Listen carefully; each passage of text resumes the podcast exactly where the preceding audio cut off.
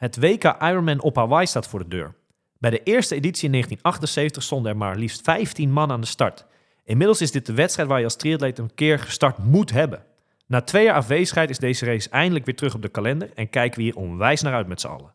In deze Kona specials kijken we met een aantal leuke gasten terug, maar zeker ook vooruit naar komende editie. Welkom bij de Kona specials, welkom bij Triathlon Insight.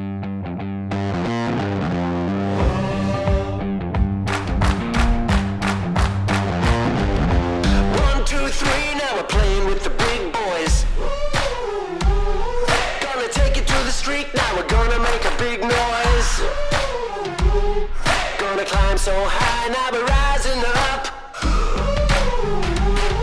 Are you ready now? Turn it up. Are you ready for this? Ja mannen, in het mooie Limburgse. Weer met z'n drieën. Ja. En ook weer met z'n drieën, zeker leuk om er weer bij te zijn. Hij ziet Ja. er goed uit, hè, Milan? Ja, afgetraind hoor, afgetraind koppie. Een paar kilootjes minder. In één minuut en ik word alweer. Het gaat lekkerder. hey mannen, eh, ja, we, we doen hem een keertje vanaf eh, weer een locatie, op locatie. Ja. En niet zomaar een locatie. Nee. Nee, want we hebben nu eh, inderdaad nog een eh, wat langer stukje moeten rijden naar Veenendaal, alleen naar, naar, naar, naar Rob. Ja, maar ook niet, eh, niet voor zomaar iemand natuurlijk. Nee, zeker niet. En ik ga hem zo introduceren, maar eh, we- zijn wel in een mooi huis. En, en ik zie een hele diepe tuin terechtgekomen. Prachtig woont hij. Ja, je kan eh, blijkbaar eh, goed vertoeven in Limburg. En volgens mij zeggen ze toch altijd, eh, de zon, eh, zon schijnt hier altijd. Nou, dat klopt vandaag wel. Ja, het zit mooi weer, inderdaad. Dus, Ja, het is eh, prachtig weer. We, we fietsen mee, we gaan straks ook nog even een rondje fietsen, toch? Ja, ja, ja. Nee, leuk. hey mannen, eh, een eh, Kona special. En niet zomaar één. Eh, deze meneer, ja, ik heb een introotje klaargemaakt. Maar hij is drie keer geweest, dus dat, ik denk dat hij genoeg heeft te vertellen over, over Hawaii en zijn ervaringen. Ehm, zal ik hem gelijk maar introduceren? Ja. Yes. Oké. Voor een hoop mensen is het race op Hawaii de holy grail in deze mooie sport. Onze gast van vandaag is er maar liefst drie keer geweest voor het WK. Eén keer werd hij wereldkampioen bij de agegroep, maar twee jaar later bij terugkeer op het eiland als pro gebeurde het ergste wat je kan bedenken. Hij werd in totaal zeven keer Nederlands kampioen op de Olympische afstand en vier keer op de halfste afstand. Er was een tijd dat we zowel nationaal, maar ook internationaal echt niet om deze man heen konden. Hoe is het nu met hem en hoe kijkt hij nu naar de wedstrijd op Hawaii? Onze gast van vandaag is Bas Diederen. Bas, eh goedemiddag. Welkom in eh, Limburg, mannen. Zeker weten, zeker weten. Ja, fijn dat we, eh, dat we hier welkom waren. Ja, in Limburg ben je bijna altijd welkom. Ligt aan waarvoor je komt, maar meestal wel. Nou, ja, dat zeg je gelijk eh, goed, want ik heb jou een paar weken terug... eh, nee, dan moet ik nog, nog verder terug in de tijd. Toen wij eh, een paar weken terug, Milan, ik en Wesley, eh, bedacht hadden... dat wij wat, wat Hawaii Kona specials wilden gaan opnemen... kwam er eigenlijk bij ons allemaal eh, gelijk één naam eh, heel hoog op het lijstje. En dat was eh, ja, de naam Bas Diederen, want die wilden we heel graag er een keertje bij hebben. Ja. En zo goed kennen wij elkaar ook niet. Maar ik twijfelde best wel. Ik had zoiets van, nou, misschien... Ik denk dat Bas eigenlijk daarvoor bedankt. Ik denk, die heeft daar helemaal geen interesse in. Maar je, ja, je, reageerde best wel leuk. En je zei, nee, dat eh, gaan we doen. Dat gaan we regelen. Ja, nee, tuurlijk. Ik heb, eh, ondanks natuurlijk dat ik een, een hele vervelende ervaring heb binnen Hawaii, heb ik daar ook hele mooie dingen meegemaakt. Ja, Ehm, en ik bedacht me ook inderdaad, toen, nadat jij belde, dat er nog steeds geen mannelijke prof geweest is. Dus ik denk, ja, oké. ja. Cool. Dat is ook wel bijzonder inderdaad. Ja. ja dat, dat, dat klopt inderdaad, zeker. Eh, en nou ja, kijk, jij bent daar drie keer geweest. Je bent één keer wereldkampioen eh, in 2011, hè? Ja. Wereldkampioen in je agegroep. Overal ook eerste gewoon van die, van die race, hè? Ja, en, en 26e Ja. ook tussen de profs, zeg maar, als je die tijden kan vergelijken. Natuurlijk, heb je, je start een half uur later, maar We hadden hem net opgezocht? Het eindtijd? Jazeker. 8 uur 48? 8,48, dat is een Ja. hele mooie tijd. eh Ja. daar. 26e overal in dat veld. En het zijn natuurlijk twee totaal hele andere... Want ik neem aan dat jij lag heel lang alleen op kop. Of hoe is het? Ja, ik weet niet of we dat nu al, maar ik kan er wel vertellen hoe die wedstrijd is gegaan. Ja, dat was, nou, we eh, zijn, we zijn zeer benieuwd. Ja, Toch? Ja, laten we het dan maar gelijk over die eerste. Kijk, we gaan het eh, over Kona vooral hebben. nou, laten we dan beginnen in 2011. Jij hebt je eh, volgens mij in Wiesbaden geplaatst? eh, Regensburg, Oké. die bestaat niet meer. Maar ehm, ja, goed, ik, ik kwam natuurlijk een beetje van die OD af. En ehm, ik zou eigenlijk stoppen met, met triathlon. Eh, heel simpel, het geld was op. Ik had een leuke baan bij een fysiotherapeut. Ik denk, ja, dat vind ik, eh, het is mooi geweest. Ik was toen 31. Ik dacht, maar voordat je stopt als triatleet, want je krijgt gegarandeerd de vraag, ben je ook een keer op Hawaii geweest? Ja. Tuurlijk, ja, ja, Ik ja. moet toch een keer naar Hawaii. Dus ik heb me ingeschreven voor een, eh, ja, voor, voor, voor Regensburg, de Ironman. Ik deed wel gelukkig al halve afstanden, dus dat scheelde. Maar dan nog, ik moest er niet aan denken, 180 kilometer fietsen. Ja. Maar ja, ik denk, ja, het moet maar even.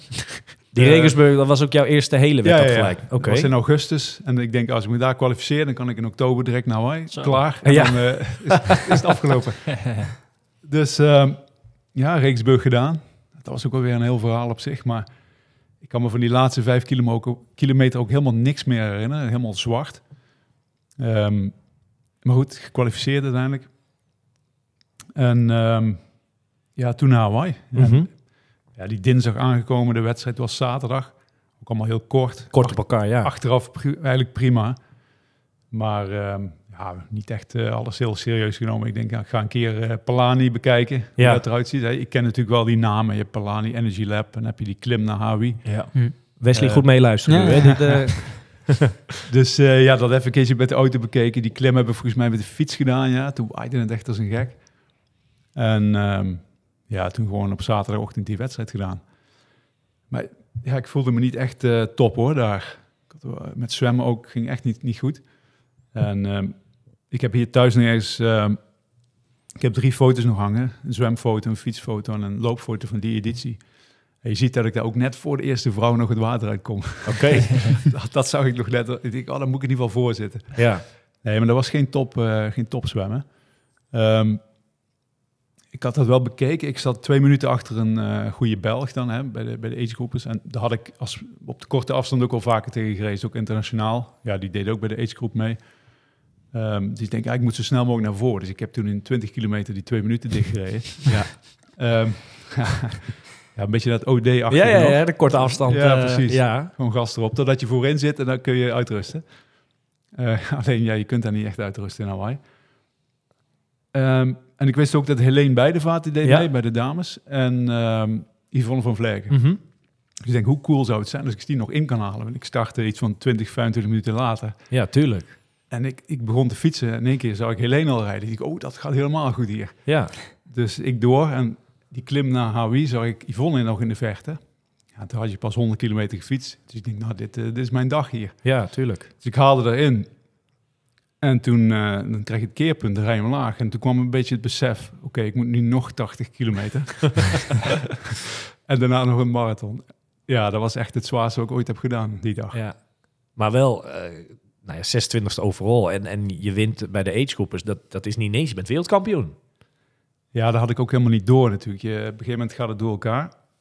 Met zwemmen, ja, ik, ik zat natuurlijk wel voorin, hè, maar ja, niet helemaal voor. Dus ik wist ook niet helemaal waar ik lag. Je begint op een gegeven moment wat, wat profs in te halen die Ja. er doorheen zakken, die een slechte dag hebben. Dus je weet dat ook allemaal niet. eh. En met fietsen op die terugweg ben ik best wel door een man of zes, zeven ingehaald. Ehm, ja, met lopen, op loopparcours is het ook heen en weer. Dus op een gegeven moment weet je ook niet meer wie wie is. Nee. Ja, het is gewoon hard lopen.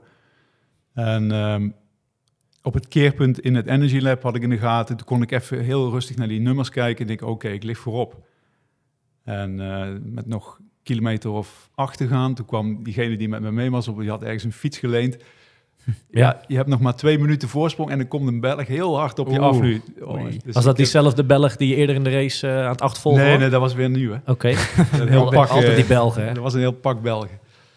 En ehm, ja, ik kan- me ook helemaal... eh, ja, degene die het parcours kennen, je, je rent nog een keer zeg maar, de, de snelwegkant van Palani op. Dus je, je Dat komt is echt boven- flink omhoog, hè? Ja, dat is een mijl. En de laatste mijl is over de snelweg is omhoog. En dan kom je dus boven aan Palani uit. Vanaf daar is het nog een mijl naar de finish. Ik heb daar niks meer, eh, dat weet ik gewoon niet meer. Zo. Ik heb later die beelden gezien, maar ik kan me dat niet meer herinneren dat ik dat... Ja, ik zie me daar zelf lopen, maar ik heb dat niet meer eh, bewust. Bizar. Heel vaak hoor ik van mensen, eh, ook dit jaar weer, die gaan. eh, maar die plakken er dan nog een vakantie of wat dan ook aan vast. Was het, bleef, ben jij daar ook langer gebleven toen? Of ben je gelijk, was het, was het voor jou racen en weer, weer terug naar huis? Ja, ik denk dat we dat ook zo... ehm, ik was met mijn chiropractor daar. Ja? En ehm, met die, die werkgever, die fysiotherapeut, die vond het sport ook super gaaf. Ehm, ja, weet je, iedereen moest werken nog. En ja, ik had ook eigenlijk nog van alles te doen. Dus daarom gingen we ook vrij laat heen. En volgens mij zijn we ook die dinsdag daarna weer naar huis gegaan. Ja. Ehm, ja, ik kan me ook nog herinneren dat ik op de terugweg dat ze me in een rolstoel eh, hebben- van naar het vliegveld hebben moeten rijden. Of naar het, Oh. naar het vliegtuig hebben moeten rijden. Zo verrot Ja, ik heb het. wel eens gelezen ergens een artikel over jou, Bas, ehm, dat jij na een Ironman zeker een dag of tien echt niet aan hardlopen kon denken. Klopt dat? Ja, absoluut. Nu, nu was Hawaii de eerste keer echt heel extreem hoor. Ja. Maar ook ja, Regensburg, die eerste was ook sowieso heel extreem. Daarna ja, ja, wende dat, zeg maar. Maar tien dagen hardlopen, eh, ja, daar moet ik niet aan denken. Echt wel bijna een soort van, eh, van gave om echt eh, zwaar tot het gaatje te gaan. Ja. Als, je, als je bij beide wedstrijden eh, nu al zegt van... nou, ik, ik heb totaal geen, meer- geen idee meer hoe die laatste eh, paar kilometers waren.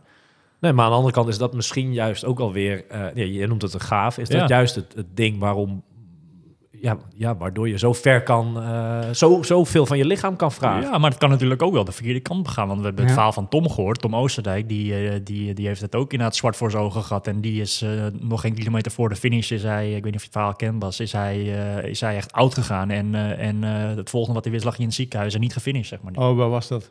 Daar? Oh, oké. Ja, 2019. Nou, je hoort het sowieso vaker, toch? Eh en Jurie Keulen. eh, Dat is afgelopen 18 trouwens. zondag. Dat is 18. Afgelopen zondag heatstroke. Dat, dat Ja. zijn allemaal bij dat soort wedstrijden, zeg maar in het buitenland, waar het vaak ook heel warm is, eh, heb je met dat soort dingen ook te maken. Dus dat, dat kent ook een risico. Maar Ja. goed, ja, eh, diep gaan eh, Hoort erbij. hoort er wel bij.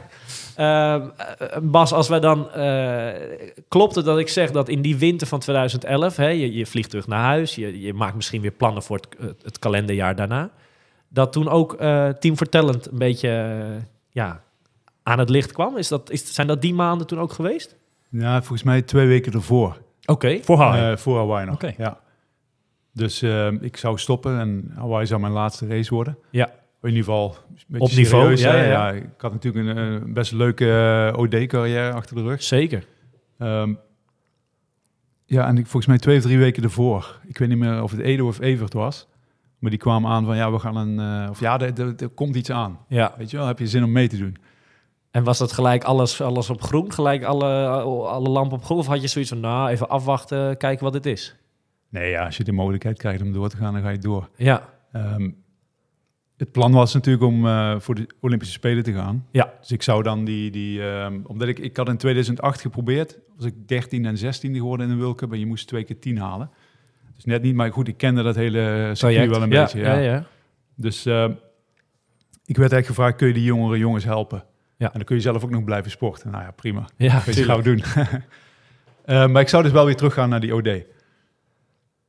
Dat was het idee. Dus ik heb 2012 eigenlijk als een OD-atleet weer eh, gedaan. Toen heb ik, volgens mij viel dat samen met het eerste jaar Eredivisie. Of in Mhm, ieder geval dat zeker, die ja, ja, Eredivisie echt heel groot werd. Dat was ook echt super vet. Ook met die jongens echt, echt lachen. Ja, jullie domineerden dat als team. eh, ja, het, was, het was serieus en heel professioneel ook. eh, in- het was net een beetje op aan het komen, maar stond team vertellen met, eh, met tenten en ik weet het allemaal. wie, Het was echt, de- waren wie zaten eerste. er allemaal in dan, in dat team? Wie waren dat? Nou, dat, dat was inderdaad een mix van wat oude atleten en jonge atleten. Maar dat was Bas, eh, Edo van der Meer, eh, Evert Scheldinga. Ik denk dat Martijn er later bij. Die, die zat- Sladen. Mark Oudebenning. Mark Oudebenning zat er bij. Dat- Jorik. Jorik had je, eh, Brian de Kraken, Bas Ja. de Waal.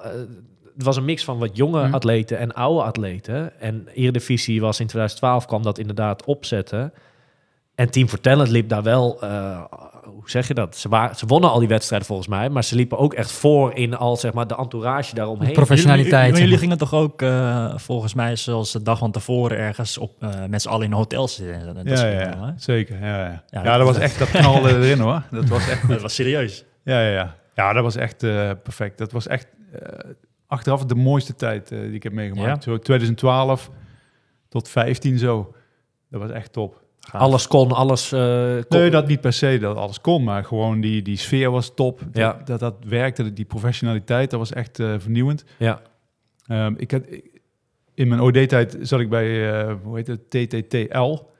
Hè, was ook, ja, je kreeg een vergoeding om een beetje te sporten. Bel Belgisch team, toch? Nee, nee, hier in, eh, Oh, Limburg. In, in Limburg. Oké. Ja, ik zat nog in België bij een team en in Duitsland ook nog Bundesliga. Ja. Ja, je moet toch een beetje wat. Ehm, maar team vertellen, dat knalde gewoon, eh, dat was weer eh, drie stappen verder. Dat was Ja. echt vet.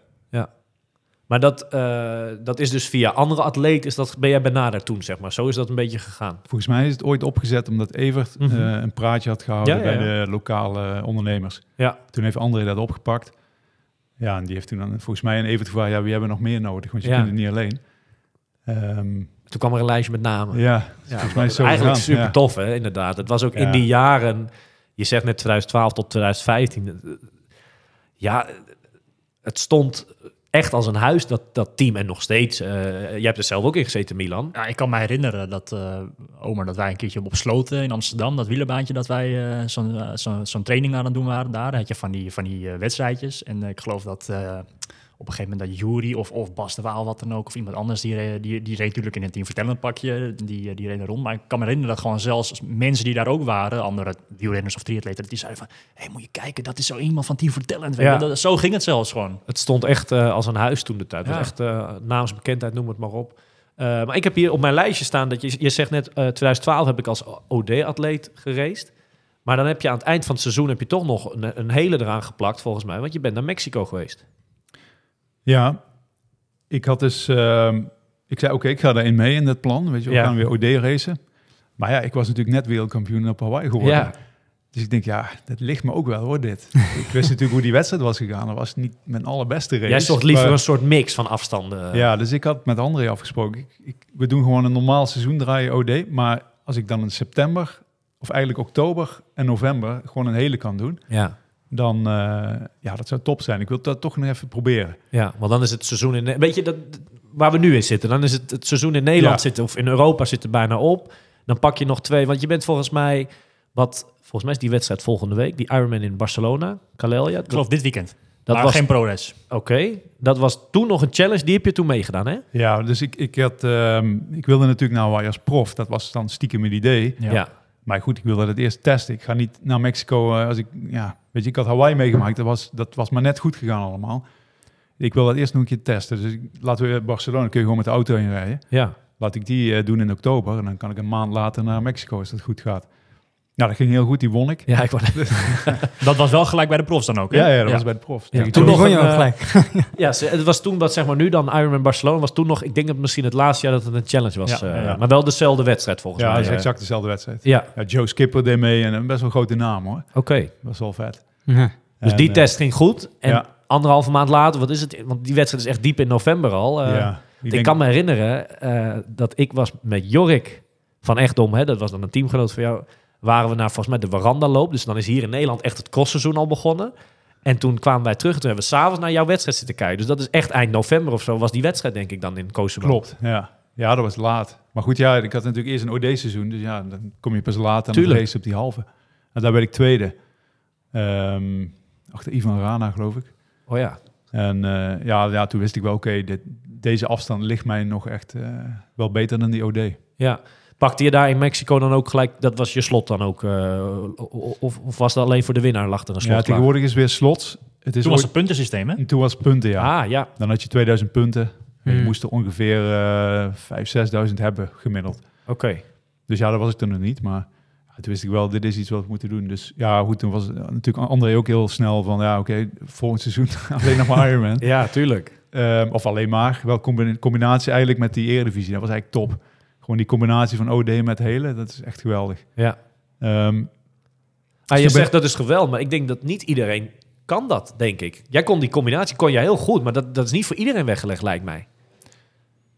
nee, je hebt een soort van... Ik weet niet of het bestaat, maar ik noem het de, de Ironman Trap. Op het moment dat je daar eenmaal ingaat, dan... Ja, goed, eh, met Milan net ook even over. En, en met anderen... Een gegeven moment wordt het zwaar in die wedstrijd. Dus je, je natuurlijke reactie is om te denken... Oké, dus ik moet lange, lange trainingen gaan doen. En dan verlies je juist die, die, die snelheid en die ja, hardheid is het verkeerde woord, maar die, die power die je hebt van, op zo'n OD. Maar die heb je echt nodig om een hele. Ja. Die snelheid ook, zeg maar. eh. Ja, snel, kijk, iedereen kan gewoon nog steeds 20 per uur lopen. Maar het is gewoon die, dat vermogen in die motor heb je gewoon nodig. ja. En dan in een Ironman schroef je die, dat vermogen maar terug naar 80%, maar dan ga je wel harder. In plaats van dat je je training op 60% van je max doet, ja, dan moet je in één keer in die wedstrijd naar, naar een hoger niveau. Dat gaat niet. Je kunt beter ja, goed beginnen, OD eh, gericht trainen en dan hoef je die, kun je die motor wat terugschroeven. Dat werkt veel beter. Mannen, Dat zijn dit, tips, dit ja. zijn de tips van... eh, Nou ja, het zit op zich denk ik best een kern van waarheid in als je kijkt naar eh, hoe momenteel de toppers bezig zijn. Want Ja. eh, dan, gaan we, gaan- dan beginnen we nogmaals over de Noorden te praten. ja, die doen alles. Die doen alles inderdaad. Al starten ze dit weekend op een eh, zwemloop, eh, zullen ze het ook goed doen. eh. Winnen ze ook. Ja. Die veranda lopen uit over had. ja, dat zullen ze ook goed kunnen, zeker. Maar mijn, mijn voorspelling is dus, op het moment dat zij die korte afstand loslaten, dan zal het nog 1, 2 jaar goed gaan. Ehm, en daarna zul je ze waarschijnlijk zien afzwakken. Ja, jij denkt echt dat hun eh, succesformule echt die combinatie is. Ja. Oké. En dat wil dus niet zeggen snelheid, want snelheid is iets anders. Maar het is echt dat vermogen, dat hoge vermogen kunnen draaien, gewoon een uur lang. Ja. Jij zegt in Cozumel eh, werd je knap tweede, maar dat was nog niet genoeg om je voor 2013 te plaatsen bij de profs voor Hawaii. Eh, je bent in 2013 ben je naar Frankfurt geweest om nog een keer eh, punten te pakken dan. Eerst Zuid-Afrika in eind maart, volgens mij. Oké. Het was ook relatief snel op, op, elkaar, november. ja, Ja, ja. Ehm, daar werd ik volgens mij derde. En toen had ik bijna genoeg punten. Maar voor de zekerheid denk ik, ik doe Frankfurt nog. Ja, dat klapte ik in één keer mijn derde plek natuurlijk. eh. Ik wou net zeggen. Ja, dat Europees, was echt vet. ook toen Europees kampioenschap. Ja, zeker. Ja. En dat was, dat was echt vet. Dat was je, dat je de wereldkampioen van het jaar daarvoor, de wereldkampioen van het jaar daarvoor. Echt, dat waren de stukken vijf. En dan ook de nummers twee en drie. Dat was echt eh, briljant. Maar ik kan me best inbeelden dat als jij eh zo'n reeks aan wedstrijden achter elkaar neerzet op die lange afstand, dat je er op een gegeven moment ook echt in, zelf in gaat geloven van, maar wacht even, op dat Hawaii, ik ben al een keer geweest eh, als amateur, om maar zo te zeggen. Eh, misschien valt er voor mij echt wel wat te halen in 2013. Dan. Maar ja, ze- zeker als je bij zo'n wedstrijd als Frankfurt gewoon tussen de, echt, de echte wereldtoppers gewoon, dat je die verslaat en in ieder geval mega aan de race bent, dan worden dat soort dingen wel werkelijkheid, denk ik. Ja, ik, had, ik vertrouw dat ook echt wel in, ja. Ja, Ja. ja. zeker. Ehm, ik verloor daar iets van 12 minuten op de fiets in eh, Frankfurt. Ehm, maar ik liep de tweede looptijd, denk ik. Ja, goed, dus ik wist ook, ja, het wordt heel kort dag om nu dat fietsen nog te verbeteren voor Hawaii. Maar ehm, ik heb daar toen wel eh, echt stappen gemaakt. En mijn lopen werd toen ook nog in aanloop naar Hawaii nog een stuk sterker dan eh, voor Frankfurt. Ja. Je pikte nog even in de zomer, eh, net even voor Hawaii, nog even de nationale titel op op de eh, OD in Veenendaal, hè? Volgens dat, ben- mij. dat was ik eigenlijk vergeten, dat klopt, ja. Eventjes uit het niets. Ik heb eh, gisteren eh, ter voorbereiding wat beelden daarvan teruggekeken. Toen zei je ook iets van, eh, ja, ik ben net terug van vakantie. Het is eigenlijk knap dat ik dit alweer, eh nu alweer kan, na zo kort trainen of zoiets. Zoiets zei je. eh, en, en dat het een goede test was richting Hawaii eh, voor anderhalve maand later. Eh, maar ik denk dat je met echt wel veel vertrouwen dat vliegtuig toen bent ingestapt ook. eh Ik kan me die wedstrijd nog herinneren. Ja. Veenendaal, net Ja, voor. Marco van der Stel. Ja, ik weet nog dat we... Die verhalen zijn misschien wel bekend, maar in de Eredivisie, dan werd altijd ploegentactiek. Zeker. En ik zeg, ik vind alles prima als ik maar win. Ja, Dat was altijd mijn stelling. Dus oké, die, die wedstrijd zou Evert... ja die, zou- zat er niet die bij zou- na het Die zou het gaan doen. Ja, Ik denk, ja, weet je, ik heb al... Het interesseert me ook niet, dus vind ik prima. Dus eh, ik weet niet wat we moeten doen. Ik weet niet hoe de tactiek was, maar ja, Evert zou eh Nederlands kampioen gaan worden. En op een gegeven moment gaat Marco van der Stellen voorbij. Ik, maar dat was niet de bedoeling. ja. Ja, ik was helemaal niet meer in die race bezig. Want ik weet niet, ik had de, de week daarvoor nog lang getraind. Ik moest daarna, de week daarna nog van alles doen. Dus ik heb toen alles op alles gezet om Marco van der Stel nog in te halen. Ja. Dat in ieder geval maar iemand van ons zou winnen. Ja, me nog herinneren. Ja, klopt. Hij werd twee eh, en, en Evert werd dan wel drie. Ja. Mooi, eh, mooi podium. En eigenlijk ook super knap voor Mark van der Stel toen de tijd. Hij deed toen nog maar, eh, ik denk, twee, drie jaar die triathlon. Eh, Ja. eigenlijk heeft die jongen wel in een hele korte tijd, werd hij wel heel goed. Eh, dat is best wel knap eigenlijk. Ja. Ja, het, ja, goed, hij heeft het lang gedaan. Hè, maar hij is... ehm, goed, nu met, de, met al die NTC-perikelen, hoe we het nu in over te hebben. Maar hij is wel echt een product daarvan Ja. dat wel gelukt is. Ja, ja. geval. ze- ja, een, zeker. Ja, Ja. dat zeg je. Een van de weinigen, maar is Nou wel... ja. eh, Ja, hij, ja, dat klopt helemaal. Hij is echt in dat, eh, via dat team destijds en eh, zo het NTC ingegaan. Dat klopt, daar is hij een van de, voorbeelden van. Maar terugkomend op Hawaii 2013. eh, wat ik ervan weet is dat er een, echt een hele entourage ook meeging die kant op. Hè? Ja, klopt. Het was inderdaad ook echt voor het eerst eh, in een hele lange tijd dat er weer een Nederlandse man als prof daar naartoe ging. Ja, de laatste is volgens mij Frank dan geweest. Frank Helderhoorn. Ja. Ja. Dat is echt eh, misschien wel tien jaar ervoor of misschien wel langer. Hè? Zeker. En, en, en, en dan eindelijk weer een Nederlander tussen de profs. Ja. En wat ik zeg, eh, zat je daar een beetje op te wachten toen de tijd dat er zo'n hele groep eh, aan, aan, aan support meeging? Vond je dat allemaal wel prima? Of zeg je van, nou, of kon je daar goed van afsluiten? Nee, ik, ik voor- kon me daar goed voor afsluiten. Ik zat ook in een ander hotel, dus dat scheelde eh, allemaal wel. En ehm, ja, ik ging toen ook als tiende erin. Ehm, je krijgt dan ook allemaal eh, iets extra's. Je krijgt eh, VIP-kaartjes en dit en dat. Dus op zich, ja, je, je, je kon wat meer bewegen ook. Ja. Je zegt als tiende er op een soort ranking bedoel je Ja, die ranking op basis van die punten. Ja, ja, dus Ja. dat was wel, was wel fijn. En dus ik zat in een ander hotel. Ja, goed, eh, inderdaad, maar die kwamen ook later. Ik was er volgens mij ook iets eerder. Oké. Dus qua voorbereiding dit keer niet op dinsdag pas geland. Je, je, je kon echt even wennen aan de hitte en het parcours verkennen wat dat Nou, betreft. volgens mij een week. Want ik, wil, ik, ik wist, ja, die dinsdag was op zich niet zo heel verkeerd. Dus ik, Nee. ik denk, nou ga ik iets eerder. Volgens mij de zaterdag zijn ben ik gegaan. Oké. En dat was Wesley, goed. dat, dat, dat, Je week dat- van tevoren. dat klinkt Ja. dus goed. Ja. Ehm, maar neem ons eens mee, Bas, eh, in die week ehm, ja, waar het eigenlijk allemaal zou moeten gaan gebeuren. Alles stond in teken van jouw eh, ja, debuut als prof op Hawaii, laat ik dan zo even zeggen. En, en alles wees er ook... eh, ja, jij ging daar gewoon een topklassering neerzetten, maar het is allemaal wel even anders gelopen. Ja, dus ik ging er met superveel vertrouwen in. Eh, een beetje achtergrond. Ik deed mijn lange duurloop altijd samen met mijn pa. Die ging altijd mee op de mountainbike. En ehm, ik had volgens mij drie weken voor Hawaii nog een marathon hier in het zuiden gelopen. Eh, die liep ik al joggend in 2,35. Dat was, ja, dus ik wist gewoon, ik ben gewoon echt, eh, echt serieus in orde. Ja. en ehm, ja, dat, dat was ook met, met de Kruisberg en zo. Als je naar Maastricht rijdt over de snelweg, dan, dan rij je daar op een gegeven moment omlaag. Daar Ja. moesten we de hele tijd op en neer. Oké. Dus ik dus, ja, dit is echt wel eh, een beetje Hawaii-parcours. Dit, dit is goed. Ik ben echt goed in vorm. Dus mijn pa was er ook weer bij. Dus hij was eigenlijk altijd bij met, met een beetje de langere lopen. En ehm, hij was ook in Hawaii. Ehm, hij kwam ook later eigenlijk met die groep. Ja. En ehm, ja, heel, heel kort verhaal. Die vrijdag, de wedstrijd is op zaterdag. Die vrijdag daarvoor. ehm, ja, ik, ik weet niet, volgens mij had ik nog een massage of zo. En ik lag op die massagebank. En eh André komt binnen. Me, ja, van, ja, en ik zag eigenlijk al als hij gezegd... Ik wist eigenlijk al precies wat er was. Maar hij zei, ja, dit is iets niet goed. Ja. Ja, dus toen begon die hele, die hele film te draaien. Dus eh, ja, goed, dus zijn we naar het andere hotel gegaan waar de, waar de rest was. En eh, ja, ja, daar lag hij. Ja, want jouw vader is, ehm, is overleden de dag voor de wedstrijd.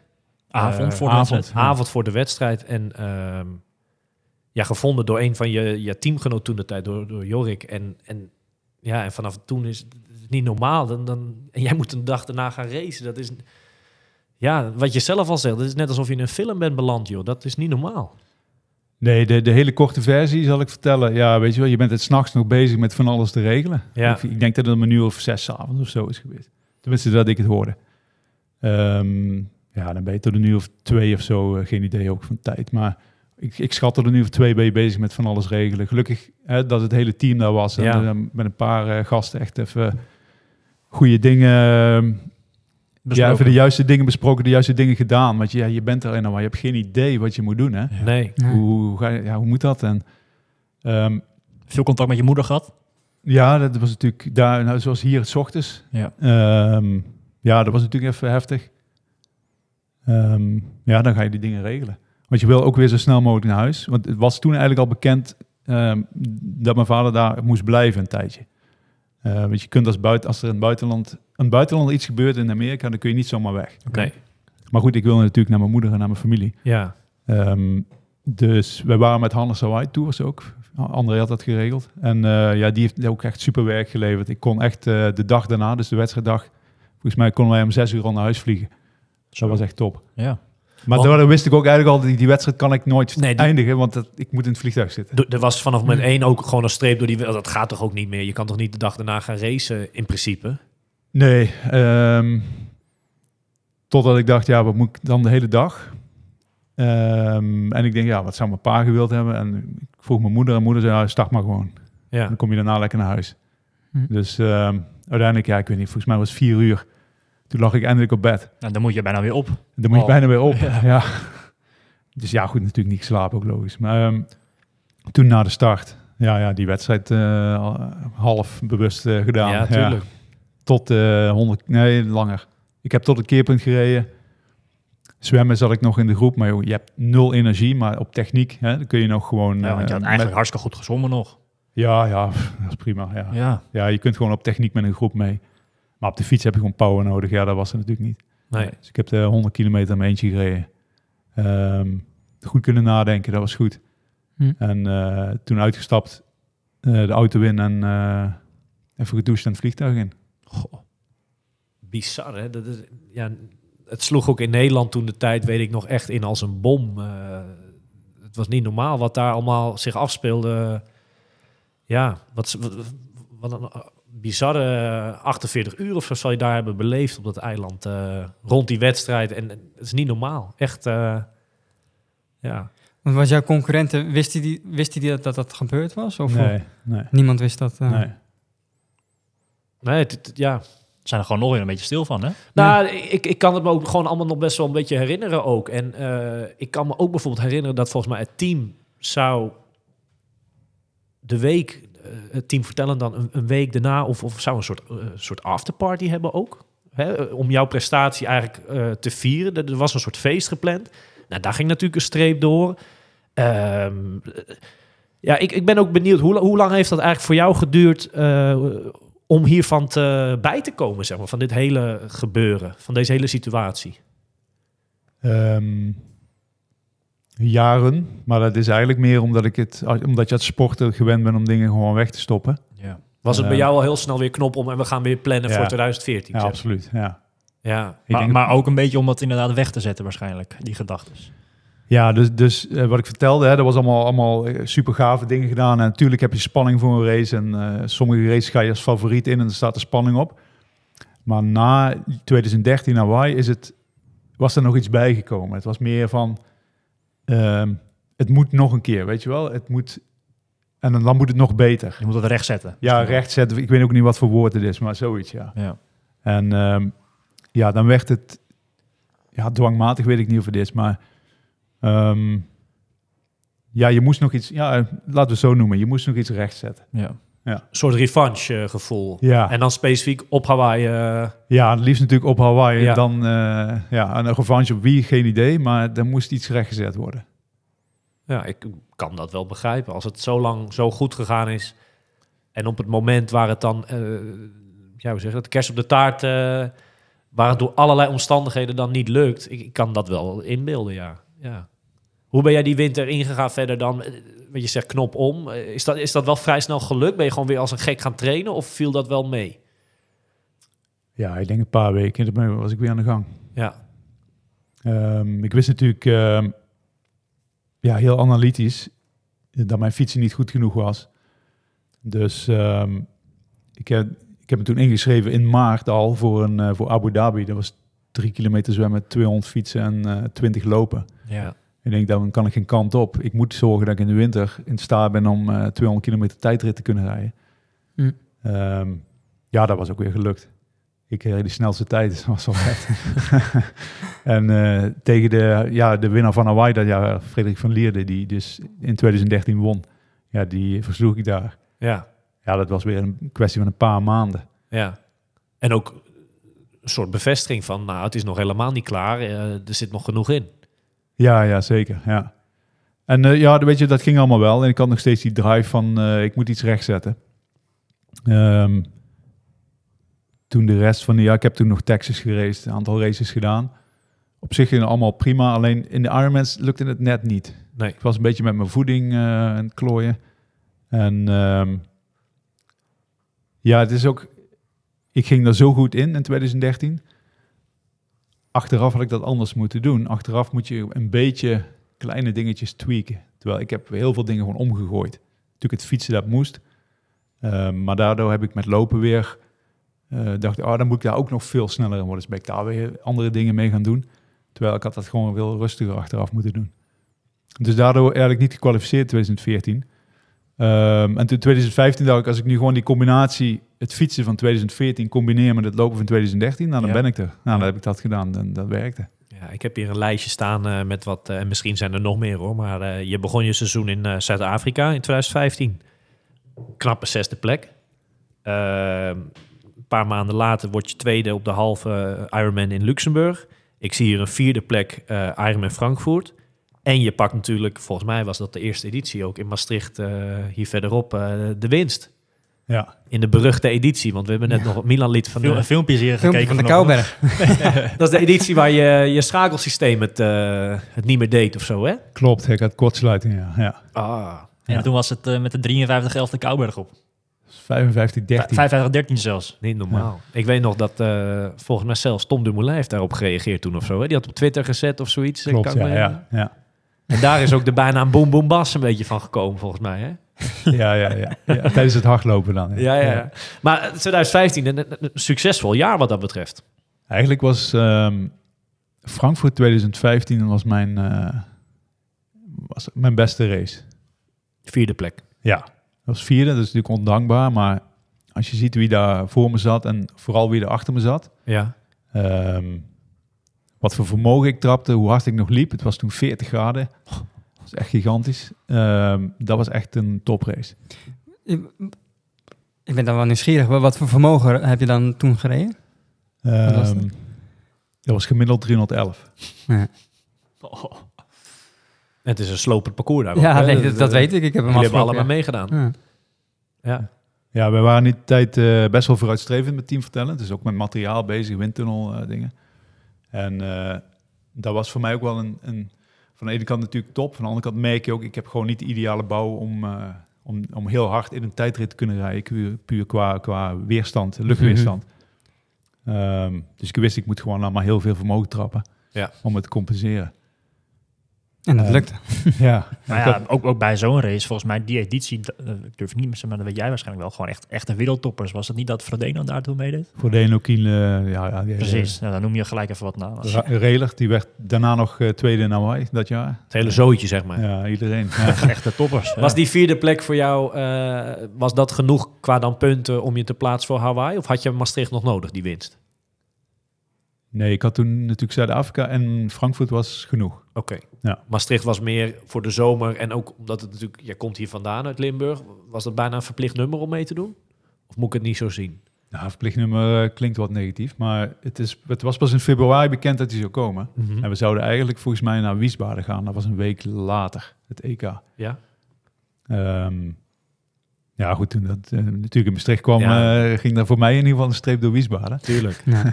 Start in Maastricht. Ja, Met geloof ik van jullie team eh, Mark Oudebenning ook onder andere. hè? Mark, ja, en Martijn, die heeft toen, eh, Martijn Dekker heeft toen het zwemmen en het fietsen gedaan. Oké, top. Top, top, top. Ja, mooie overwinning eh, in jouw Maastricht, om het maar zo te zeggen. Ja, sinds die dag is het wel mijn Maastricht, ja. Is dat, is dat jouw mooiste sportprestatie uit jouw carrière of kijk je daar anders tegenaan? Ja, in combinatie ook met die kapotte fiets. In combinatie met het weer die dag, het, het publiek, het parcours, dat klopte allemaal. Het hele totaalplaatje. Ja, het, wa- het, was, het is een heel ander parcours dan nu. Je reed ook gewoon over de trainingswegen waar wij dus al 15 jaar trainden. Ja. Daar reed de wedstrijd over. Ja, die dingen, dat is gewoon geweldig. Ja. Over de Kouberg, wat ook nooit meer is geweest. Het is niet, eh, ik vind het geen leuke berg, maar het is wel de bekendste. Nee, leuke berg? Nee, absoluut niet. Zeker niet met 53 Dan is die helemaal 5 zo. 13 zelfs. Nee, dus eh, ja, uiteindelijk, het klopte allemaal. En ook met het verhaal natuurlijk van die fiets die kapot ging. Op dat moment was het natuurlijk eh, Ja. ja, totaal niet leuk, maar eh, achteraf is het gaaf. ja, tuurlijk. Tuurlijk, tuurlijk, tuurlijk. Ben je op dat soort, eh, dat soort momenten, ik bedoel, dat zijn best wel hele euforische momenten natuurlijk. Dacht je toen nog heel erg veel terug aan, aan, aan je vader onder andere? Want zeker in voorbereidingen van die races moet je nog steeds langer duurlopen doen. Je had altijd je vader bij je, maar dat was toen heel anders geworden natuurlijk. Ja, ik had, ik had wel wat, wat vrienden hier uit de buurt die, niet, eh, ja, die wel wat affiniteit met hardlopen hebben. Die, die gingen dan wel eens mee op de, op de mountainbike of die, die gingen met de auto dat ze om de 10 kilometer een flesje neer eh, Ja. zetten. Dus nee, ik had wel die steun, eh, had ik voldoende. Ja, het is natuurlijk anders, maar Ja. nee, dat, dat was... En ik trainde toen echt heel veel met Martijn Dekker samen. Ja. Eh, ja, die woonde een kwartiertje fietsen hier vandaan. Ja. Dus daar heb ik ook heel veel aan gehad. Je trok dagelijks echt met hem op. eh, ja, ja, echt eh, elke dag.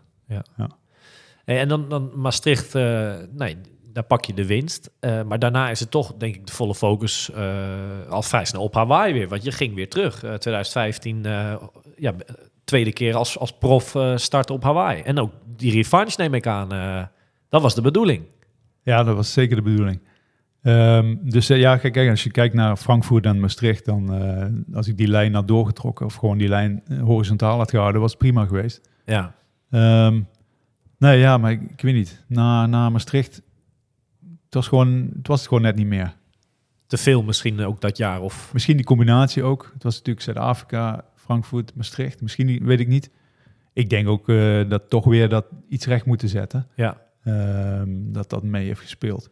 Had je eh, voor jezelf echt een, be- een bepaald concreet doel eh, voor ogen voor Hawaii? Want je zegt revanche of, of ehm, rechtzetten, maar had je daar een, echt een bepaalde klassering aan verbonden of, of helemaal niet? Wanneer was jouw Hawaii zeg maar geslaagd? Eh, top 10. Oké, Ja, ik denk zeker met mijn lichaamsbouw. Dat is uitdagend in die warmte. ja. Ehm, sowieso qua luchtweerstand is het uitdagend. Ja, het zou top 10 voor mij echt top een topprestatie. Ja. En dat had er gewoon 100% in gezeten. Zowel in 2013 als 2015 ben ik echt van overtuigd. Neem ons mee in 2015. Wat is daar eh, uiteindelijk in die race gebeurd? Ehm, heel vergelijkbaar met eh, 2013. Dus met zwemmen totaal geen power. Ja, kun je bijblijven op techniek, omdat techniek, ja, die heb ik wel. Ehm, en op de fiets ook eh, gewoon niks in de benen. Ik, ik, ja, je goed. Ik weet niet of jullie, ja, jullie kennen het eerste stuk nog niet. Nog niet. Maar je rijdt even door het dorp. Door Ja. het dorp, ja. En eh, ik haalde niet eens 300 watt. Dat, Ja. was, dat was verschrikkelijk. Moest ik echt voor, voor stampen om dat überhaupt te halen. Wat gaat er Eh. dan ook door je heen? Zo om- een stukje onmacht ook, dat je echt het niet begrijpt waarom het op die dag niet samenvalt? Ja, dat is het, ja. ja. Ja, Ik voelde het al toen we daar waren. Ik was weer iets eerder gegaan. Ik denk, eh, volgens mij nu die dinsdag ervoor. Ja. Zat je op een hele andere plek dan twee jaar ervoor? Ehm, ja, ik zat gewoon in het racehotel. Oké, Ja. ja. En ehm, ja, nee, dat eh, klopte gewoon niet meer. Voelde je wel. Maar goed, ja, als, als sporter kun je, ja, het hoeft allemaal niet goed te voelen. Hè. Ik moet gewoon eh, het goede doen. Dus ja, weet je, daar hou je aan vast. Gewoon maar doen wat je moet doen en dan... eh, Hoop op een topdag. Ja, weet je, in 2011 voelde ik me ook niet eh, heel goed. Nee. Toen was ik ook wat ziekjes. Dus ja, nee, gewoon door. Maar ja, nu werkt het niet. Je, bent, eh, je hebt die finish niet gehaald in die wedstrijd, hè? Nee. Ik heb tot, eh, ik denk, 18 kilometer gelopen. En dat was hem. eh, het, het- Ja. het zat er gewoon niet in. Het was niet Nee. goed. Ik wist het na 10 kilometer fietsen al. Hm. Maar goed, ja, je, je komt wel vooraan het water uit. Dus ja, er zit nog ook wel heel veel achter je. Dus gaat maar door, gaat maar door. En ik denk, ja, op de fiets denk je, ja, misschien heb ik wel een heel goed looponderdeel. Ja, je hoopt al. Tuurlijk, tuurlijk. Ja. Ja. Dus je begint daar ook gewoon mee met die instelling. En nu gewoon optimaal eh, zo hard mogelijk lopen. Ja, dan merk je ook na vijf keer, of eigenlijk na 100 meter. Maar goed, ook dat negeer je weer. Maar dan na een kilometer of vijf weet je, nou, dit is hem echt niet. Het wordt hem niet vandaag. Nee. Hoe kijk jij dan ehm, ja, terug op Hawaii, zeg maar? Wij maken nu wat specials over Hawaii. Eh, jij bent er drie keer geweest, drie keer gestart. Ja, wat, wat is jouw balans? En eh, het is natuurlijk voor jou sowieso dubbel eh, wat betreft 2013. Maar hoe kijk jij terug naar Hawaii? Ehm, ik vind Hawaii nog altijd een... ehm, ja, het is het hoogst haalbare. Zeg maar, iets echt waar je naartoe wil. Mhm. dat, dat- iets waar je naartoe wil, dat is niet veranderd. Als triatleet wil je daar naartoe. Ja, Ja, simpel. zeker wat je net ook al aangaf. Als mensen aan je vragen van, ah, ben je dan ook op Hawaii geweest? Nou, dan moet je daar wel Jaap kunnen zeggen. Nou, je, daar kan je in ieder geval Jaap zeggen. Eh, maar goed, die wedstrijd die is van de week. Kijk je daar bijvoorbeeld dan nu ook steeds nog, nog wel naar uit? Ga je het bijvoorbeeld kijken? Of is dat voor jou echt een gesloten boek en, en dat volg je niet meer? Of, of wel? Dat is eigenlijk de enige wedstrijd die ik nog kijk. Oké. Ja. Dus, dus, ja, ik kijk hem niet live. Ik kijk hem vaak na. oké, ja. En je was in Frankfurt dit jaar. Ja, daar kijk ik dan. ja, precies. Nee, dus ik... ehm, goed, ik, ik werk hard door de week. eh, en het weekend heb ik ook echt weekend. Dus Ja. als een van mijn atleten... Als het zijn topdoel is... oh, en die is toevallig op zondag, dan kijk ik het. Maar gewoon een, een willekeurige wedstrijd eh, ga ik niet bekijken. Nee. En dan maken we een sprongetje in de tijd, want we moeten nog even een paar jaar, want het is natuurlijk niet 2015 dat, dat het afscheid van Bas Diender was, helemaal niet. Ehm, Maar wel het afscheid van iets anders. wat dan? Vanaf dan eh, gaat, gaat, eh, ga, ga jij op een gegeven moment een beetje je eigen weg inslaan. Nou, Ja, later. dat is wel iets Ja. later, maar Ja. Dus later. Ja, Ik had eerst nog, eh, dus eigenlijk weer hetzelfde patroon als 2013. Na 2015 dacht ik, ja, dit moet beter. Ja. Ehm, dus ik had die winter ook echt goed getraind. En dat was eigenlijk mijn beste winter ooit.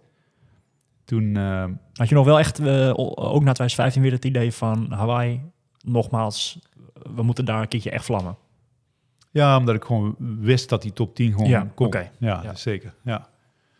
Ehm, ik wist ook, oké, ik moet dit wel eh, een plek gaan geven. Wat ik dus eigenlijk twee jaar niet, niet gedaan heb.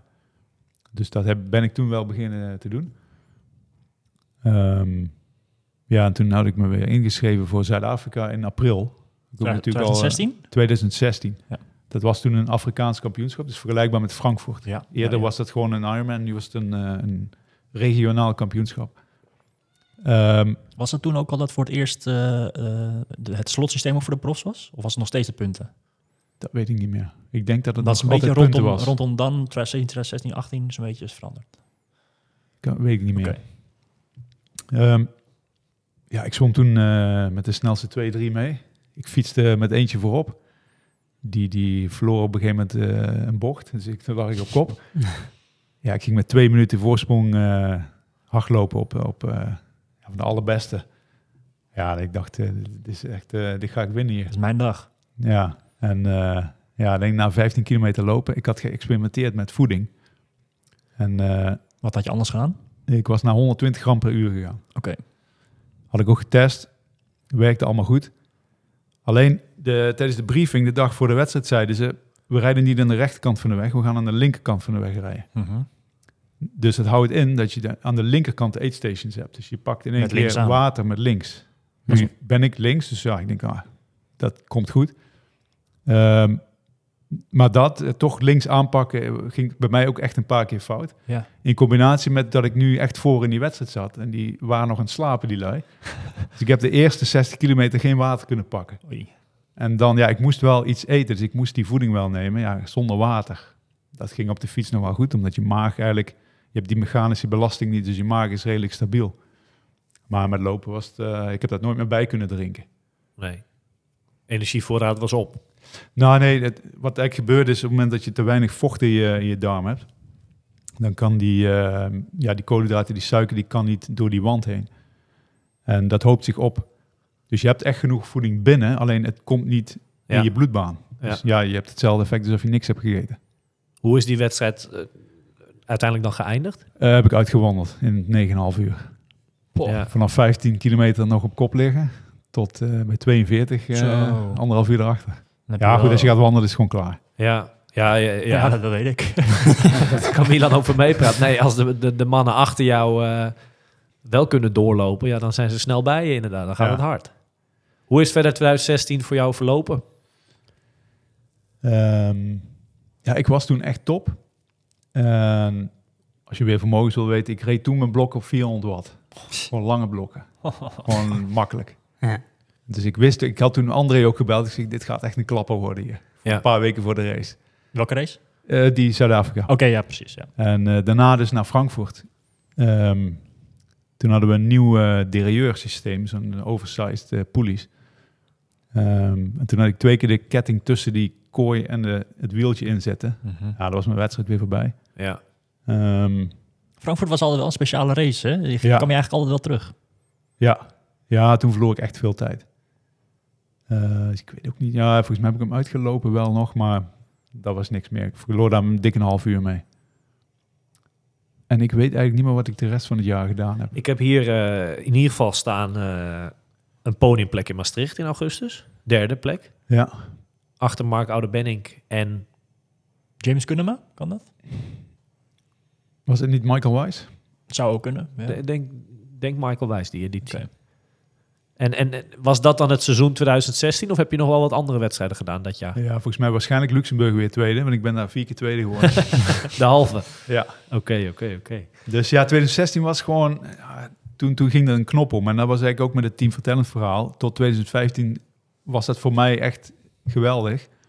Ehm, ja, en toen, toen hè, het was super professioneel. En ik had toen echt het gevoel, het, het professionele, het randgebeuren wordt nu belangrijker eigenlijk dan de prestaties. Ja, Dus de social media kwam toen echt heel erg op. Dus ja, dat werd heel belangrijk. Terwijl ik heb altijd zoiets, ja, laten we nu gewoon even prestaties leveren. Ja. Dan kunnen we daar dan mooie dingen over schrijven. In plaats van dat we eerst mooie dingen gaan schrijven. En dan, ja, dan moeten we ook nog even presteren. Ja. Ja, dat ging mij op een gegeven moment wel, eh, daar had ik moeite mee. ja. Dat is wel mooi dat je dat zegt ook. Dat, is wel terecht punt, toch? Wat je heel vaak ziet nu met al die pro's, die, die zetten alles op Instagram. Ja. En het is juist mooi als je inderdaad goede prestaties levert en daarover kan, eh, kan hebben. Nou ja, vergis je niet. Kijk Bas, eh, ik heb het ergens opgeschreven, maar volgens mij zijn eerste Europees kampioenschap eh, Olympische afstand is 2003 geweest. Dat is wel een heel ander tijdperk dan ineens Ja. met Instagram en dingen. Dat Ja. is wel heel anders. En ik, ik moet eerlijk zeggen, zelfs Milan en ik hebben dat ervaren de laatste jaren. Dat, ehm, dat is gewoon sowieso op dit moment. In principe, die sportprestatie is niet eens meer het belangrijkste. Het is meer, heb je een verhaal? Eh, Ja. Wat heb je mee te brengen? Noem het maar op.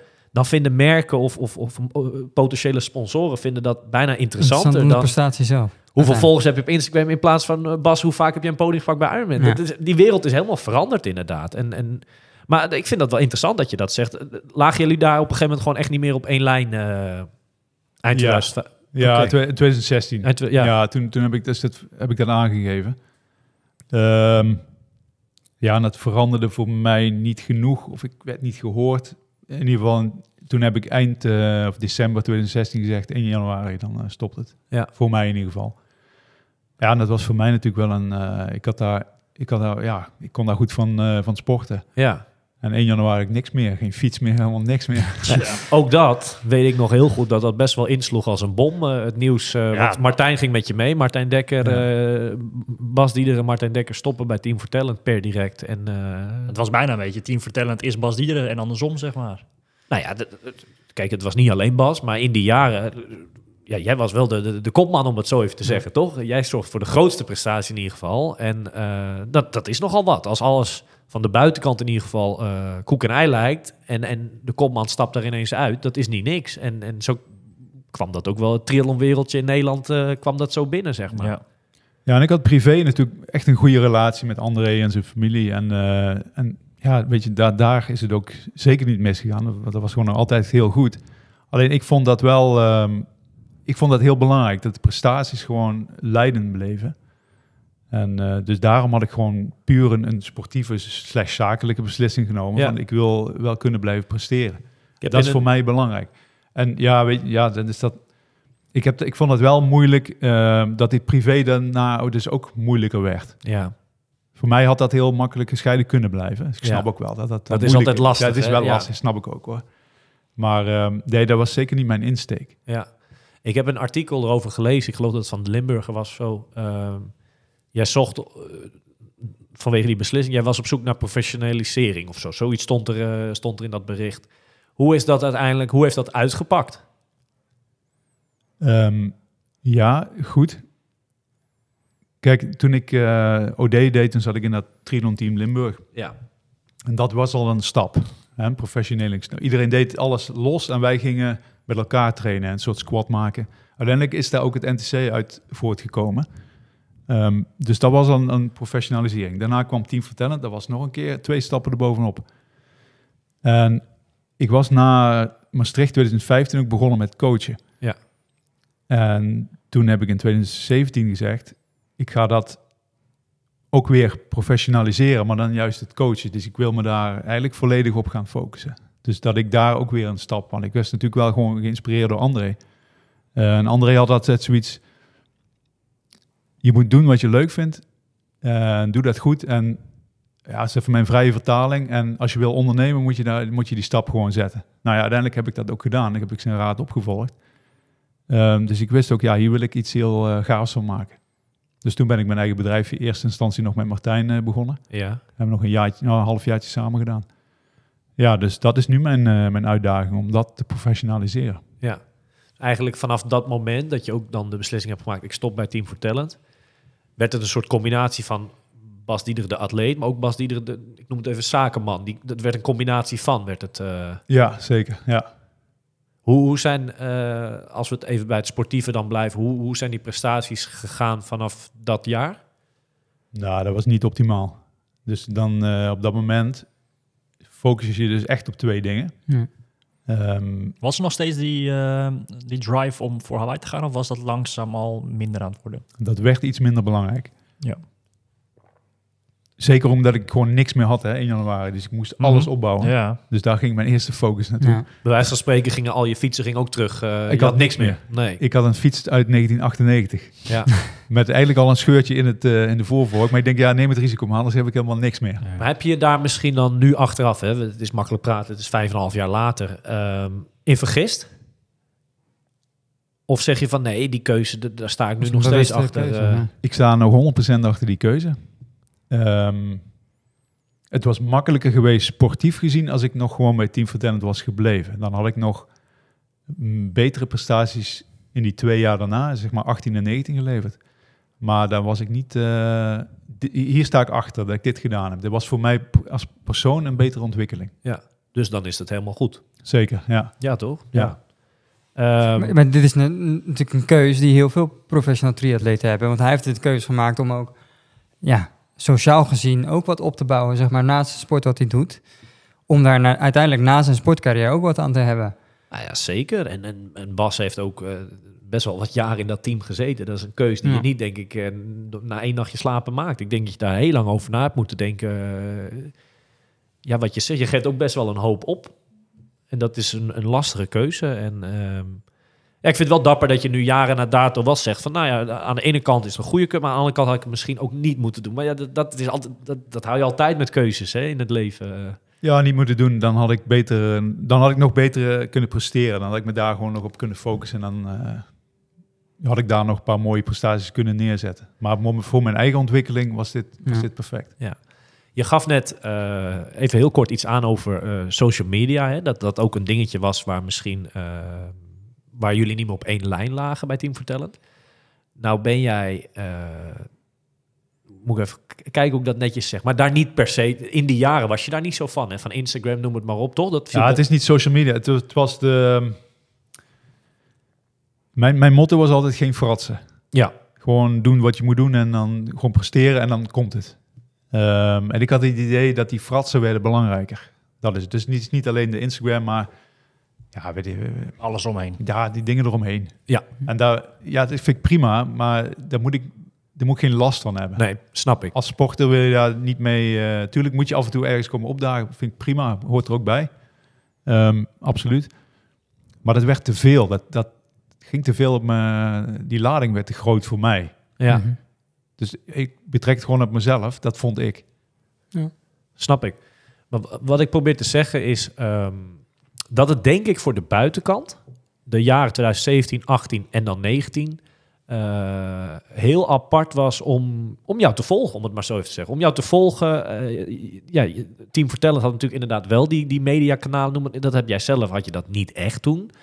Dus dan was het meer zo van, oh, hey, Bas heeft weer een wedstrijd gedaan. En je, bijvoorbeeld in 2017 hebben we Milan, ik kijk Mi- Milan even aan, hebben wij ook bijvoorbeeld tegen jou geraced in Oud-Gastel uit het niets. Dat, dus de grote Bas Diederen die jarenlang in Cozumel, weet ik, Frankfurt, eh, Hawaii, die start in 2017 ineens weer op, op nationale wedstrijden. Dat was best wel, eh, ja, van de zijkant denk ik dat heel veel mensen daar, eh, ja, een beetje dubbel naar keken. Zo van aan de ene kant heel leuk, maar aan de andere kant ook een beetje gek. Van hé, hey, dat is niet meer dat podium wat het eerst was. Snap je een beetje wat ik, wat Ja, ik bedoel? ja.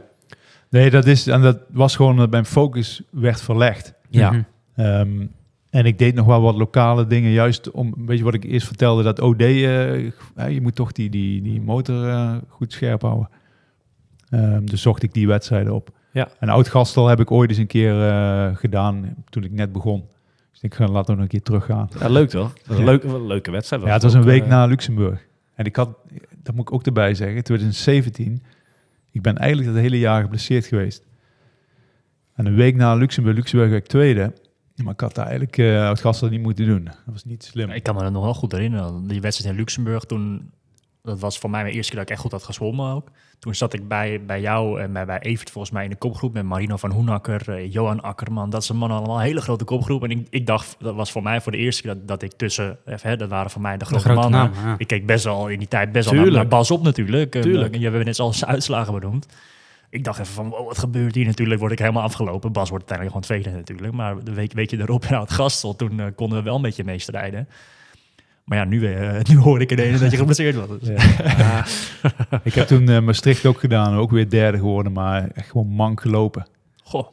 Heb jij in die tijd ook zitten nadenken over eh, jouw toekomst als atleet dan in de sport? Twijfel, zeg maar. Of van, moet je nog wel doorgaan? Is die twijfel er wel eens geweest? Ja, maar die, die had ik in 2005 al. Ja. Ja, maar die heb je als atleet altijd. Dat, uh, bedoel, als je drie maanden ergens voor trainen, dat lukt niet, dan denk je, ja, waarom doe ik dit? Ja. Maar Ja, dat, ja. dat hoort erbij. Nee, maar die, die, die rode draad, die werd wel, die was eigenlijk al, ehm, toen ik uit Team Vertellen stapte voor mezelf, was die rode draad, oké, dit, dit, ehm, ja, dit wordt steeds minder belangrijk. En gewoon een, een toekomst opbouwen wordt veel belangrijker steeds. Ja. Ik wist ook, als ik nu direct stop met sport, ehm, ja, dat is ook niet goed, maar dat wil ik ook niet. Ik wil wel nog wat blijven racen. soort, soort afbouw. eh, Ja, dat, ja, ja. en in 2017 heb ik nog wel, wel serieus getraind hoor. Alleen ja, met die blessure was dat toch eh, lastiger. Ja, dan merk je ook wel heel snel dat die, die prioriteiten verschuiven. Ja. Vond ik al veel makkelijker om, oké, maar dan werk ik maar iets langer door, weet je wel. ja. En daarvoor werkte ik ook, maar ja, dan, dan was het als de training, ja, dan had de training altijd voorrang. Ja. Ja, dat merkte ik heel erg dat die, dit die focus gewoon verschoof. Wil je ons wat vertellen over... eh, nou, je hebt het hele tijd over werk. Vertel eens over, wat, wat heb je in, vanaf 2017, wat ben je gaan opzetten? Vertel daar eens wat over. Ehm, in eerste instantie was mijn idee, want dat kwam na de Ironman Maastricht in 2015, van iemand kun je mij ook helpen voor een Ironman te trainen. Dus ik ben toen begonnen met mensen sneller maken. Ja. Dus van, van 11 uur naar eh, 10 uur of van eh 9,5 naar 9,15, dat, dat soort werk. Door middel van schema's. eh, Schema schrijven, helpen, voeding natuurlijk. Ehm, en eigenlijk wat ik zelf heb gemerkt tussen 2017 en 2019, toen ik mijn laatste race heb gedaan, is dat die, je hebt altijd met te maken met een balans. En als je professioneel atleet bent, is het simpel. Dan is het, er is eigenlijk geen balans, het is gewoon alleen maar sport. Maar voor 99% van de mensen die triathlon doen, is die balans gewoon belangrijk. Dus je hebt je werk, dan heb je je gezin of je relaties. En je relaties kan ook met je kinderen zijn of met mensen in de buurt, dat is niet belangrijk. Maar gewoon je, je sociale leven. En dan heb je de sport. En ik vertelde al, mijn sport werd voor mij ook gewoon minder belangrijk. En het is een fout, denk ik, als amateur agegroeper, om die sport het allerbelangrijkste in je leven te maken. Dus uiteindelijk is mijn, mijn coaching, mijn werk, is, is verplaatst van iemand sneller maken naar zorgen dat het één werkend geheel wordt. Dus ehm, je werk, je gezin en je sport. Dat moet samenwerken. Dat moet samen moet dat iets, iets beters brengen. En dan komt die prestatie bij een wedstrijd of bij een Ironman eh, vanzelf, zeg maar. eh. Ja, dus eh, en dan ehm, kun je nog altijd een bepaalde tijdsdoel hebben, maar je wil wel dat het past in dat geheel. Ja. En dan nu heb ik sinds, sinds eh, anderhalf jaar maak ik dan nog een onderscheid in. Ik coach veel ondernemers, veel professionals in, eh, die hoog in een bedrijf zitten.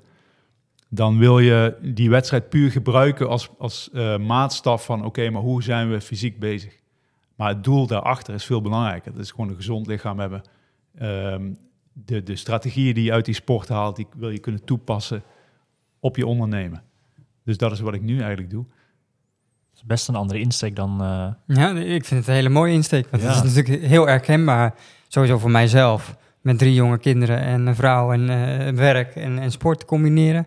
Nee, je geeft zelf al aan, niet de sport het belangrijkste vinden. Dat is echt, nou ja, dat is ook moeilijk of niet? Dat is heel moeilijk. En maar zeker als je voor een hele training, ja, dan moet je, moet je gewoon je uurtjes maken. En dan is het soms lastig als je in het weekend eh, iets met je gezin wil doen, maar je moet trainen en staat vijf uur fietsen op het programma, weet je wel. Dat zijn dingen, keuzes die je dan moet maken. En ik denk dat heel veel luisteraars daarmee te maken hebben. Dus dat is wel iets moois om daarmee aan de slag te gaan, denk ik. Maar, maar ben jij bijvoorbeeld, Bas, dan nu... eh, hoe moet ik dat zien? Hoe ziet jouw week er, eruit tegenwoordig dan? Ben jij heel veel op pad met, met, met, met mensen aan het sporten? Of, of leg ons daar eens wat over uit. Ehm, ja, mijn, mijn bedrijf zit nu eh, heel simpel. Twee dingen. Eén, ik heb een online programma, dat heet eh, Upgrade Membership. Ehm, die zie ik één keer in de maand, komen we samen, doen we een live event samen. Maar voor het algemeen is dat, ik heb twintig jaar topsport gedaan. Ik heb bewegingswetenschappen gestudeerd, dus ik heb heel veel informatie. Dus ik deel daar, ik heb daar een eigen app voor. Ik deel ontzettend veel informatie en ik maak je trainingsschema. Dus als je een uh, agegroeper bent en je wil, ehm, je wil meer weten, gewoon puur eh, informatie, dan kun je daar terecht. Eh, je wil een effectiever trainingsschema, kun je daar terecht. Dat is één ding. Dan heb ik het team upgrade gedeelte. En dat is juist met die ondernemers. Dat is de, ik gebruik daar de training voor eh, coaching. Dus eh, hoe ga je bepaalde dingen aanpakken? Waar loop je tegenaan? Hoe ga je daarmee om? Mooi voorbeeld, zal ik daar even noemen. Uh, en dat, dat zit ook techniek in. Dus de, ja, dan doen we één op één gewoon een training samen. En er zit voeding in. Zowel voeding tijdens je training, maar ook gewoon je dagelijkse voeding. Hm. Dus mijn dag ziet eruit. Ik begin elke dag om zes uur met de eerste training. Tot negen. Ehm, dan sport ik zelf heel even. En dan, eh, daarna zit ik veel achter de computer of ik ben aan het bellen. Eh, vaak rond de middag nog een aantal trainingen en dan in de avond tot een uur of eh, negen, half tien nog. Maar moet ik dan bedenken, de, de- ik weet het veel, eh, dat je op de hoek van de straat met iemand afspreekt dat je rondje gaat hardlopen? Is, zijn dat soort dingen dan echt... eh, Nou, dat klinkt een beetje losjes. Het is wel, eh, we, hebben heel, we werken heel doelgericht. Ja. Ja, dus, eh, maar ja, ik heb een paar locaties, dus ik train veel in het donker. Dus om zes uur s ochtends of om eh, negen uur s avonds is het gewoon bijna altijd donker. Dus eh, er zijn wat loopplekken waar je met verlichting eh, kunt lopen. Ja. Ik heb een zwembad in Echt en een zwembad in Mazeik. Daar, daar kunnen we gewoon terecht. Dus eh, ja, zo doe ik het. tof. Ja. Ja. Hm. En zijn dat altijd één op één sessies of is dat ook wel eens met meerdere eh, mensen? Ik heb eh, veel één op één en dan heb ik nog small group, dus met een man of vijf samen. Ja. Weet je wat ik het leuke vind? eh, en dat heb ik ook tegen Bas laatst aan de telefoon al een keer gezegd. Toen, we een beetje, toen ik je belde van... Hey Bas, zou je überhaupt willen dat we komen voor een podcast? Eh, en ook vandaag merk ik het weer. eh, over, als we het over je sport hebben, hè, dan, dan, dan nou, ben je best wel aan het zoeken naar... En dat is ook logisch, want we hebben het over een paar jaar terug. eh, naar antwoorden en aan het malen van... Ja, hoe zat het ook weer? Maar als we het over dit hebben... Dan heb je je verhaal zo klaar liggen. Dan zie ik een bepaalde... dit doe je echt met passie. Volgens mij heb je helemaal je, je plek gevonden wat dat betreft. Ja, dit is wel, ehm, het komt ultiem, sa ultiem samen. Ja. Wat ik al die jaren heb gedaan, dit, ik vind dit echt geweldig om te doen. En eh, het mooie vind ik gewoon de mensen waar ik mee werk. Ja. Eh, het is zeker niet voor iedereen, maar ehm, ja, die- ik kreeg daar zoveel energie van. Ik vind het echt gaaf om, eh, om te doen. Ja, leuk hè? Ja, het zijn ook allemaal hele, hele leuke eh, mensen. En ja, ik heb mijn verhaal, hè, daar heb ik nu een, een Ja. klein gedeelte van eh, gedeeld. Maar iedereen heeft dat. Ja. Zeker. En eh, ik vind het zo mooi dat mensen dat heel snel delen. En het mooie van sport is, eh, want je kunt iemand coachen op, op, op andere gebieden dan alleen sport. Maar als je dat doet in een sportsetting, dan gaan alle, het harnas gaat af, heel makkelijk. En dan zijn ze zo coachbaar juist, omdat je het gewoon eh, tijdens een sportsituatie doet. Ja, ik vind dat echt heel erg mooi. Maar dan kan ik me ook best inbeelden dat jij zelf, eh, nou ja, ook nog eigenlijk hartstikke fit wel bent op het moment. Of niet? Een beetje aan het lachen. Nee, maar je sport, ja, het is je, relatief, hè? je sport mee met anderen. Dat is natuurlijk een ander niveau als je voor jezelf zou sporten. Maar je, sport, je maakt nog best wel wat uurtjes, denk ik. Oh nee, zo, dan train ik niet mee. Nee, dan wil ik gewoon de focus hebben op de ander. Oké. Ehm, dus ik, of ik fiets ernaast, eh, als zij hardlopen doen, of ik sta stil op dat rondje waar ik, eh, dan kan ik eigenlijk de hele kilometer zien. Oké. Nee, dat, dat doe ik niet. Ik doe dan wel eh, volledige focus. Oké, dus niet dat je ernaast Nee. meeloopt. Oké, oké. Nee, ik train wel dan nog één keer per dag eh, met, met een paar gasten. Bijvoorbeeld Menno Koolhaas train ik één keer in de twee weken nog mee. Ja, leuk. Ik train nu veel met eh Roel Wijmenga, een marathonloper. Ja. Lokale Dus, loper, hè? Ja. nationale top volgens Ja, die ja, dat vindt hij niet leuk als je zegt lokale, Lokale, loper. nationale top. Nationale top. maar maak even een bruggetje. Ga jij ooit zelf nog aan de start staan van een triathlon? Of zeg je van nee, dat is echt, eh, dat is klaar? Vorig jaar, ja, ik- voor, ja, een triathlon, maar vorig jaar had ik zoiets, eh, nee, dat hoeft voor mij niet meer. Mhm. Want ik wil iets of fatsoenlijk doen of ik doe het gewoon niet. Dus dan is het of professioneel of gewoon niet. Ja. Maar de laatste tijd denk ik, ja, het zou toch weer eens gewoon leuk zijn om dat eens te doen. Zwemmen, fietsen, hardlopen achter elkaar. En maakt het dan uit wat voor afstand? Of zeg je van nee, dat, dat maakt me nog niet eens zo heel veel uit? Of wel weer toch, weer toch die hele? Ja, dat vind ik dan wel weer leuk. Maar de, weet je, de komende jaren niet hoor. Oké. Nee. Ja, ik zie... het is jammer dat er geen beelden erbij maar ik zie een klein glimlachje. Zeg nooit nooit, hè? De...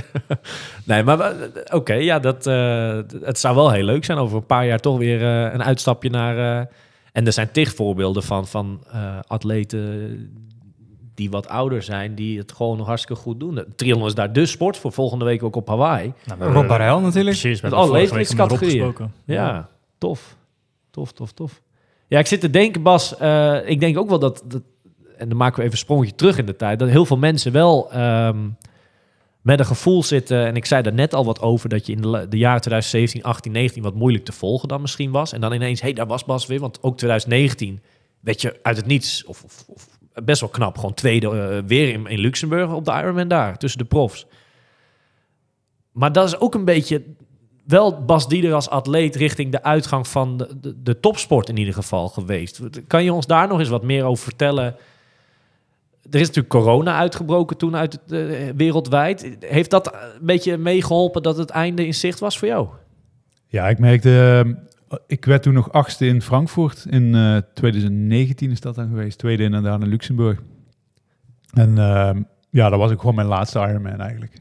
Dat had je vooraf ook al Ja. wel bepaald. Frankfurt wordt de laatste hele... Ja, maar ik merkte die voor, voor voorbereiding was ook wel weer niet top. En ik merkte, mijn hart gaat steeds meer uit naar, dat, eh, naar het coachen. Ja. Ja, dan moet je ook gewoon op een gegeven moment zeggen, dit moet je niet meer blijven doen. Ehm, toen had ik wel nog zoiets, ik blijf gewoon wat lokale wedstrijdjes doen. Dus ik was nog lid van die Belgische eh, club SMO. Daar heb ik toen nog, Voor de competitie daar. ja, competitie. Ja, dat zijn allemaal sprintjes of nog korter. Gewoon een beetje voor de voor de Heel fun. anders gelijk weer. Ja, ja.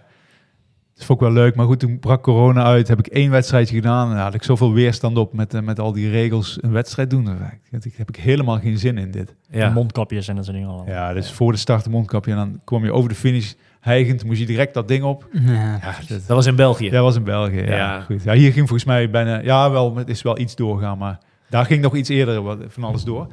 Ehm, maar ja, weet je, daar had ik geen zin in. Want ik, had, ik heb het mooiste eh, meegemaakt, bedacht ik me. En dan ga ik nu met allerlei beperkingen van publiek. Ja. Waarom zou ik dat überhaupt doen? Want mooier dan ik het heb meegemaakt, wordt het nooit meer. Hm. Ja, toen was het ook... Ja, Als je er zo naar kijkt, dan kan die knop makkelijk om, kan ik me zo inbeelden. ja, en dan heb ik vorig jaar, vond ik het nog wel... ehm, denk, ik, voel, ik was nog wel fit, hoor. Ja. Dus ik kon nog wel redelijk wat. Ik denk, ja, het zou toch wel heel mooi zijn. Maar nee, ik denk dat is gewoon niet reëel. Totaal niet reëel. Waar, maar, maar waar zat je dan naar te kijken bijvoorbeeld? Nou, ik- Maastricht zou nog een keer een hele worden. En dat is natuurlijk ook geworden. ja. Maar dat zou misschien een professionele race worden. Toen dacht ik, oeh, Comeback. ja. Maar eh, toen we- werd ook heel snel bekend dat het niet zou zijn. Ik dacht, oh, het is ook maar goed ook. Dat is wel jammer. Ja, misschien, ja, misschien wel, ja. Eh, Ik heb dan, we gaan langzaam naar het einde, maar nog één brandende vraag. Eh, jij bent nooit in Almere gestart, hè? Jawel, ik heb ooit een keer een kwart gedaan. En dan volgens mij een keer de Eredivisie was in Almere. En toen had ik een, een parkeerboete en toen dacht ik, kom ik nooit meer terug. Had je, oh, oké. nee, maar eh, even serieus, Toon. eh, paste dat nooit in jouw wedstrijdplanning? Of, of, want het is natuurlijk een grote wedstrijd. En zeker de laatste jaren ook weer daar. Heeft het je nooit getrokken om daar te starten op de hele? Ja, ik wilde hem in ehm, 2013 doen. Ehm, maar toen had ik... Ja, nee, die wilde ik doen. Ik weet niet meer wie, of het was Yvonne of het was Helene. Die had dat een keer gedaan voor Hawaii. Dus ik had, volgens mij had ik ook een van de twee gemaild van hoe was je dat bevallen. Ja. Ehm, dus daar heb ik wel echt op het punt gestaan om die te doen. Maar puur als training voor Hawaii. Maar ik moest toch, die, ja, toch lang fietsen en ik moest een marathon lopen in de voorbereiding. Uiteindelijk heb ik dan hier eh, in Zuid-Limburg die marathon gelopen. Maar dat viel samen met Almere. Dus dat had niet veel gescheeld. Maar ehm, ja, nee, daar lag niet mijn passie, nee. En eh, heeft dat sowieso eh, ook een dingetje Challenge Ironman? Heeft dat ook meegespeeld of, of nog ineens? Want je oh, heel... helemaal niet. Nee, nee. Oké. nee. Ik had gewoon niks met die... Nee, ik, ik had daar niks mee. Terwijl het Niks onze mooie polder. onze Nee, mooie nee, ik, nee, dat trok mij niet. Nee. Nou, Terwijl het wel, kan eh, toch, ja. het is wel een van de eerste beelden die ik me kan herinneren als klein jochie van eh Avro's Ja, ja, ja. sportpanorama, volgens Ja, mij. ja, ja. Dat was wel al meer. Dat was, was wel een trigger voor mij van, hé, hey, wat is dat voor een sport? Ja. Nou, dat, dat is waar ik nog wel eh, een vraag over heb. Ik bedoel, we gaan er inderdaad, wat Omar zegt, langzaam afronden. Maar waar ik nog wel benieuwd naar ben, daar hebben we het eigenlijk helemaal nog niet over gehad, is hoe jij überhaupt eh, in die, in die triathlonsport terecht bent gekomen. Nou, zo'n uitzending dus. Ehm, mijn vader had een klein boekje over triathlon, maar dan spreek je dus over de jaren, begin jaren negentig. Ja, toen had je geen internet en eh, Nee. dus alles moest met boekjes. Er stond een boekje uitgelegd wat triathlon was en hoe je daar dan moest, voor moest trainen. ja. Dat vond ik zo interessant op een of andere manier. Ik deed toen wel wedstrijd zwemmen, dus ik zwom bij PSV in Eindhoven met die, met die grote namen allemaal. Dus ik, ik zat wel in de topsport. Maar dat trok me op een of andere manier. En ik kan me nog herinneren dat ik... ehm, in België had je een hele eh, grote serie. Super prestige serie. Dat kwam ook gewoon op tv. Van triathlon, Van wedstrijden. triathlon, ja, ja. Dat was dan tussen de wielerwedstrijden door, was dat gewoon eh, live op tv. En ik kan me herinneren dat ik daar Casper van den Burg zag. Ja. Ik weet niet of jullie die nog kennen. Zeker. En eh, ja, ik zag die daar tekeer gaan en ik denk, dit wil ik ook. En ik kan zwemmen, dat wist ik natuurlijk. Ik ja, dit, dit is iets wat ik ga doen. Dus ja, die combinatie van Casper die ik daar zag en eh, ja, toch een beetje dat Almere verhaal. Ja. En ik kan me nog herinneren, maar toen ik heel jong, dat we een keer zijn gaan kijken. Ik weet nog dat ik namelijk heel vroeg moest opstaan. In Almere. Ja, dus mijn pa die vond dat toch op een of andere manier interessant. Maar deed jouw vader zelf ook triathlon? Nee, helemaal helemaal niet. Hij vond gewoon de Nee. sport prachtig. Ja, dat vond hij toch interessant, zoiets. Ah, leuk. Ja. Weet, eh, kan jij ongeveer een jaartal eh, aangeven wanneer je dan een beetje daar echt serieus mee bent met begonnen met de triathlon? Ja, dat is de, ehm, 99 geweest. Dus vrij laat voor mij. Toen was ik al 19. En ehm, het, het eerste wat ik ook te horen kreeg, want ik kwam uit het zwemmen, was goed gespierd bovenlichaam. Eh, en ik liep nogal lomp, nou nog steeds, maar wel hard. toen niet. Dat ik eh, te horen kreeg, ja, dat wordt niks met jou. En toen dacht ik, oh wacht. Ja, ja, ja. Dit- toen was het zaadje echt geplant. En daar heb ik toen eh, vier jaar over, nee, vijf jaar over gedaan. Toen had ik mijn eerste, eh, ja goed, super prestigewedstrijd in België gewonnen. Een jaar later werd ik Nederlands kampioen. Kijk. Dus eh, toen is het echt gaan toen rollen. is het begonnen, ja. ja. Toen, eh, toen werd langzaam Bas Machine een feit. Precies, ja. Een van, de, een van de vele bijnamen. Ja, en jouw vraag in het begin was nog, ehm, jij kon dan tien dagen niet hardlopen. Ik had dan ook na een OD, ik kon me daar zo op, op vastbijten. En eh, ik heb niet de ideale bouw daarvoor, maar ik, ik wist gewoon heel slim te trainen, heel slim in die wedstrijd te doen en mentaal me voor te bereiden. Kon ik daar alles in die twee uur gewoon eh, eruit gooien. Waardoor ik dus ook na een OD gewoon twee dagen niks kon. Zo. En ik vond het zo bizar dat anderen de dag daarna alweer gingen fietsen of zo. Ik denk, hoe kan het nou dat je op de dag daarna zo'n wedstrijd weer kan fietsen? Ik kon het helemaal niet. Ja. Ik gooide alles erin en ook alles eruit op die dag. Ja, misschien was dat wel eh, eh, het geheim van Bas Diederen dan ook. Misschien, hè? De- de- Ja, dit denk ik wel. Ja. Ja. Toch die gave waar we het ook al eerder over hadden. Maar sowieso, ik heb dat bij de, de intro al benoemd. eh, maar zeven keer Nederlands kampioen op de Olympische afstand ge- geworden. Dat is echt heel knap. Ik zei op de, in de auto eh, hier naartoe... ehm, ik heb ook wel eens een paar keer zo'n NK meegedaan. Maar dat is ook een soort, soort Russisch roulette, die wedstrijden. Het moet ook allemaal maar samenvallen, noem het maar op. Maar jij weet gewoon zeven keer in ieder geval... hem als eerste te finishen. Ik vind dat wel absurd eigenlijk. Eh, dat is echt knap. ja, maar ik was mentaal, had ik altijd eh, heel veel ruimte over. Dus ik zat in die wedstrijd en dan ben je natuurlijk fysiek bezig. Maar ik had daarna heel veel denkruimte om nog te gaan denken, wat gebeurt hier nu? Wie is nu wat aan het doen? En daardoor zag ik heel veel dingen gebeuren. En dan kon ik ook wel dingen een beetje manipuleren, een beetje zo dit of dat. En dan was iedereen ja, een, beetje, een beetje druk zetten hier en daar. En dan, ja, dan won ik die wedstrijd weer, die ik eigenlijk fysiek gezien niet had kunnen winnen. Ja, Ik had op een gegeven moment de naam. Ja, Bas kun je nooit verslaan in de laatste kilometer. Ik denk, prima als jij dat denkt. Dus ik moet gewoon zorgen dat ik de laatste kilometer in Ja. de buurt ben. En dan gaven ze ook gewoon op. Ja, simpel. Ja, zo had ik allerlei strategieën eh, bedacht. Maar ook puur kwam dat uit een soort van... Ja, gewoon, gewoon fysiek eh, zoveel ervoor moeten doen... om maar enigszins mee te kunnen. Ja, je hebt het over manipuleren. Ik kan me, ik kan me herinneren nog wel een van die Eredivisie-wedstrijden. Dat was dan niet jij, maar was als team zijn. Maar waar, waar, eh, wellicht was jij er wel achter. Dat uh, geloof Jury tegen Jury Severin. Van en nu meerijden. En dat was echt wel... jullie zaten er wel flink achter dus waarschijnlijk. Ja, Jury kon je natuurlijk heel makkelijk... eh, Ja, Ja, dat ja, zijn dat- mooi. Ik weet wat jij bedoelt, Milan. Dat, kijk, je had in die jaren, de beginjaren van de Eredivisie, had je eh, het team, team Vertellen. Ja. En je had, eh daar zaten wat jongens van de selectie dan ook in het pro-triathlon team. Ja. En daar was wel een soort strijd tussen, dat waren de nummers 1 en 2 altijd. En ik kan me herinneren op beeld dat volgens mij Evert in Amsterdam, volgens mij tegen Donald Hillebrecht een keertje keihard riep van, eh, je moet nu meerijden, anders rijden we je eraf of zo. Dat soort teksten. Ja, maar als je als blok, als je als team eh, zo sterk staat en het dus ook uitspreekt, ja, dan, dan, dan, dan, dan hoe zeg je dat? Dan, eh, ja, dan gaat die wi- overwinning gaat er ook komen. Als je er zelf zo al in staat. En jullie zijn dat op een gegeven moment ook gaan proberen op de wat langere afstanden. als team een beetje het zo te benaderen. Dat, dat, ik kan me herinneren in Maastricht was maar de eerste keer. Nou, je zegt net al, Martijn heeft gezwommen en gefietst. Dat was allemaal, daar zat wel een gedachte achter. En dat is wel, ja, ze deden niks wat niet mocht. Dus dat is toch slim. Ja. Ja, dat Ja. is mooi.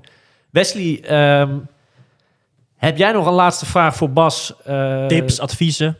Je Nou kan ja, het nu vragen. Ja, zeker. En 6 en eh, 8 oktober is de wedstrijd natuurlijk op Hawaii.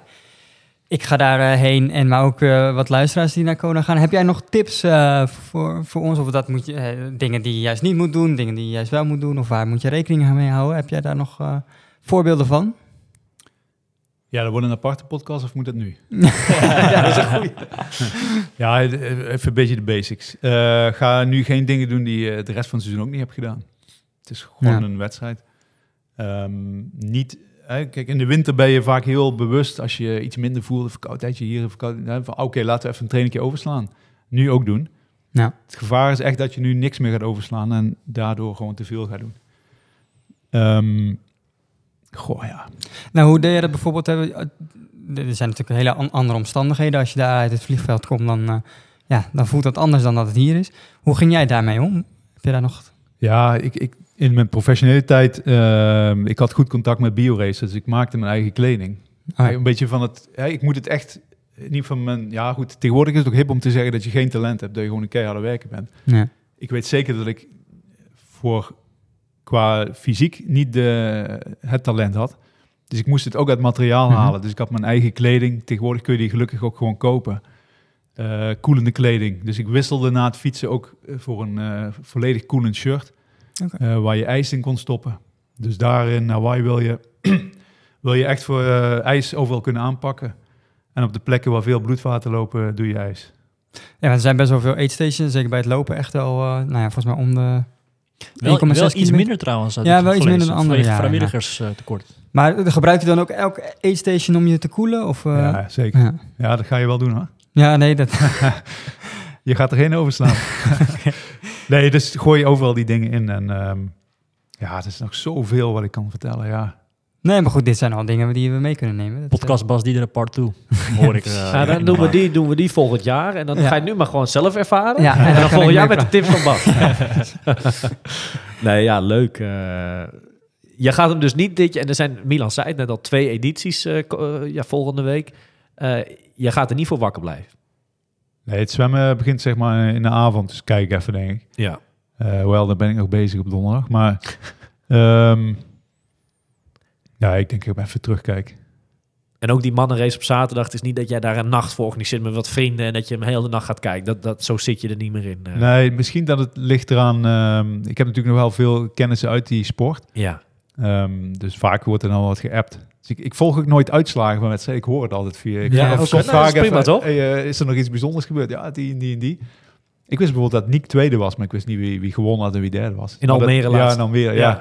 Weet je wel, is er nog iets gebeurd? Ja, Nick was tweede. Oh, cool, ja. ja. Maar dan kijk ik niet alles na. Dat, eh, Maar deze, ja, goed. Dus ik denk als de app eh, ontploft, dan misschien ik, eh Toch ik even gaan mee ga doen. Maar eh, Ik voorspel, eh, en eigenlijk bij de dames ook, maar zeker bij de mannen, echt een hele interessante race. Denk ik. Echt dat we, to- dat we eigenlijk een loopwedstrijd gaan krijgen van 5, 6, 7, 8 man die heel erg dicht bij elkaar gaan zitten.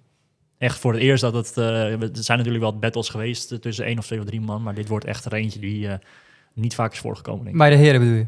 Zeker, ja. Maar ik denk bij de dames ook. eh, Ja, dat zeg ik bij de dames ook, maar bij, zeker bij de heren. Ja. Weet je nog in 2018, eh, hij is natuurlijk nu ook twee jaar niet geweest. eh, dus sowieso is het daarom ook extra leuk dat het er weer is. Maar in 2018 ehm, was het ook na, na 10 kilometer lopen of zo ook zo'n groep nog bij elkaar. Ja, eh, ja. Wel, ja, spannend allemaal. Bas, ik heb nog wel een, een, een misschien afsluitende vraag. Ehm, ten opzichte van, van de jaren waar jij eh, succes vierde op de Ironman, eh, in vergelijking met, met dan nu, zijn er best wel wat, wat eh, jonge Nederlandse atleten opgestaan. Ik wil niet zeggen dat die de prestaties leveren die jij toen leverde, nog niet. Maar er is wel een hele lichting, waaronder een hele groep in Almere laatst, die aan de deur kloppen, laat ik dan zo even netjes zeggen. Wat vind je daarvan, van de zijkant? Vind je dat een goede zaak? Of zeg je van, ja, ik volg het niet meer zo. Maar vind je dat leuk? Nee, zeker. Ja. Ja, je hebt Menno. eh ja, Nick heeft nu top gedaan. Zeker, ja. Ehm, ja, Milan is... eh, ja, heeft twee... Vorig jaar, het jaar daarvoor, is hij doorgebroken in Almere. Dus ehm, nee, ja, dat is top. En eh, ja, het gaat natuurlijk st- steeds harder. Van de andere kant, ik zag die data van... ehm, van weet je wel, dat ze eh, 7 uur 20 gingen doen. Of wat was het? Oh, ja. Dat wereldrecord. Breaking, ja. Ja, weet je, die data, dat, was, dat is niet zo spannend. Maar het is ook eh, een deel het materiaal en zeker die, die loopschoenen. Dat had ik nog wel eens mee willen maken. Ja, dat is waar. ja. Maar ehm, ja, het gaat toch gewoon harder, dus je moet gewoon mee. En als je bij de top zit, dan ben je gewoon echt goed. En ja, die jongens die zitten er echt aan te komen. Dus dat is wel, eh, er komt in één keer een lichting. Ja, ze gaan eh, Milan, eh, Menno, eh, maar ook Tristan Olij. Jullie gaan een soort eh, poging doen om in eind november toch te kijken of iemand in ieder geval een slotje kan pakken. Nou ja, we gaan er in ieder geval naartoe. Hè. Dat is eh Adam, Adam Ismail Ja, we het over. je moet er eerst naartoe. We moeten er eerst naartoe. Ehm, ja, we- bij, de, bij de podcast van, van, van vorige week eh, hadden we ook aangegeven dat we ook op trainingskamp gaan met, eh, met z'n drieën. Met ook Mitch Kolkman erbij, eh, om ons voor te bereiden op die race. En het is de, nieuwe race, eh, gelijk Middle East Championship. Dus inderdaad, net als Frankfurt, zijn er gewoon drie slots voor Hawaii te, verkrijgen voor volgend jaar alweer. Dus dan eh, ga je heel, alweer heel snel kijken naar volgend jaar. Maar goed, dat hebben wij. eh, Ik heb dat samen met, met, met Menno heb ik daar al eigenlijk naar, gelijk naar Frankfurt al naar gekeken. Want Ja. Menno zat er in Frankfurt echt dichtbij, hè, Bas. Menno traint onder jou. eh, Maar, maar de anderhalf of twee minuten achter eh, zijn eerste Hawaii slot bij zijn debuut. Ja, die is daar wel mee bezig natuurlijk. En, en wij indirect ook. Ik ben persoonlijk wel van mening, en dan spreek ik over mijzelf. Als eh, dat kan pas wel echt realiteit worden als je ook echt alle zaken op orde hebt. En eh, dan spreek ik nogmaals voor mezelf. Dat heb ik tot nu toe nog niet gehad. Met, met mijn eh, marathon perikelen, zeg maar. Maar goed, ja, wie, wie, er zijn veel meer kapers op de kust. Ik hoorde dat er best wel veel, veel toppers ook naar je zou gaan komen. En dat is Ja. logisch, want die slots zijn al te verkrijgen. Want maar jullie- het, het zal mij niks verbazen mocht, mocht, mochten er wel hele mooie uitslagen gaan Ja. vinden. daar. Want dat was jullie idee om ook dan eind november nog eh, een wedstrijd te pakken, een hele. Dat hopelijk, of misschien eh, een aantal mensen die naar Hawaii gaan, eh, daar dan weer niet meedoen. Het is natuurlijk anderhalf maand zitten tussen. Klopt, maar dat verhaal gaat nu al langzaam een beetje anders worden. Maar Ja. goed, het is alleen maar tof. Uiteindelijk wil je, wil je ook met, met, of met en tegen de beste mannen racen. Dat is ook voor dit jaar mijn, mijn eh, ehm, eh, insteek geweest om, om gewoon naar Frankfurt te gaan. Eh, we hebben het er lang veel over Frankfurt gehad vandaag. Dat is gewoon Ja. een van de grootste races. Ik, ja, ik vind dat tot nu toe vind ik al heel interessant om toch te meten met die mannen. Ja. En om je in de toekomst dus te plaatsen voor Hawaii tussen de profs op de Bas Diederen manier. Want die heeft in de grote wedstrijden Die deed heeft in hij. de grote wedstrijden gedaan. Ja. Ja, waar loop je tegenaan nu dan? eh? wat is je grootste uitdaging? Tegen niet plaats voor Hawaii bedoel je? Ja. Nou ja, eh, kijk, ik, ook ik, ik ben nog niet zo heel erg lang in de, in de eh, lange afstand, de hele triathlon. Vorig jaar voor het eerst in Almere dan. En eigenlijk is dit maar pas mijn tweede eh, jaar dat ik daarop focus. Vorig jaar Almere ging heel goed, eh, eerste keer debuut. Net als dat, we, dat eh, Menno in Frankfurt heel goed was. En eh, ja, er zijn momenteel, ik, voel, ik zie mezelf nog best wel jong, 27. Alleen er zijn nu mannen die nog jonger zijn die het ook heel goed gaan doen. Super gaaf natuurlijk om met die mannen allemaal daarop te focussen. En voor mij is het, ehm, ja, ik heb het in de podcast heb het al een paar keer besproken. Voor mij gaat het tot nu toe steeds mis op het looponderdeel in een triathlon. En ik zie mezelf op de trainingen eigenlijk gewoon hartstikke le- lekker en goed lopen. Tijden zijn allemaal hartstikke goed en het voelt allemaal hartstikke goed. En eh, nu in de races doe ik met het zwemmen goed mee. Niet helemaal vooraan, maar goed mee, een goede groep. Met fietsen gaat het heel erg goed. Ik heb mijn achtergrond in drie jaar alleen eh fietsen op het hoogste amateurniveau van mijn 17e en 20ste. En dat eh, pakt wel goed uit. Ik, ik, ben best wel sterk op de fiets. Ehm, alleen, het, ja, nogmaals, het, eh, het gewenste niveau komt, komt er niet uit tijdens de marathon. En ehm, ja, daar ben ik nu vol mee bezig om dat te gaan onderzoeken. En eh, ja, ook nogmaals, in de podcast al best wel een paar keer over gehad. En ik zie nu vooral gewoon de komende races, eh, onder andere zo'n Israël, zie ik als weer nieuwe mogelijkheden eh, om, eh, om, om iets uit te testen. En ehm, wellicht gaat het nog niet gelijk helemaal goed. En wellicht heb ik daar een paar jaar voor nodig, geen idee. Maar het is nu wel zaak. Nogmaals, ik ben 27. eh, je kan door tot je, tot je eind 30 zeg maar. En je wil zo snel mogelijk op het hoogste niveau zijn. En ehm, ja, wellicht gaat het wel niet zo goed. En dan. eh, het is el- nogmaals elke keer weer een nieuwe, nieuwe mogelijkheid. En eh, ja, we zijn daar druk mee bezig. Mooi man. Interessante puzzel. Ja. ja, dat is het leuke van die sport, vind ik wel. Ook, eh, dat was de trigger om te bestarten. Gewoon dat het, het zwemmen, ik deed natuurlijk wedstrijdzwemmen, vier banen, zo hard mogelijk. Ja. Natuurlijk moet je daar die concentratie aan, alles moet kloppen. Maar die, die triathlon kun je gewoon je veroorloven om eh, tien minuten minder te zijn. En je kunt daar gewoon van terugkomen. Ja. Dat vond ik heel erg, eh, heel erg mooi. Nou ja, en jij hebt mij, eh, en dat had ik ook al van tevoren aan de podcast tegen jou nogmaals gezegd, maar in 2019 inderdaad, toen jij tweede werd in, eh in de halfarm in Luxemburg, ik, toen, ik was toen samen met jou in de fietsen, maar je liep in, in weer liep je knijterhard en werd je tweede.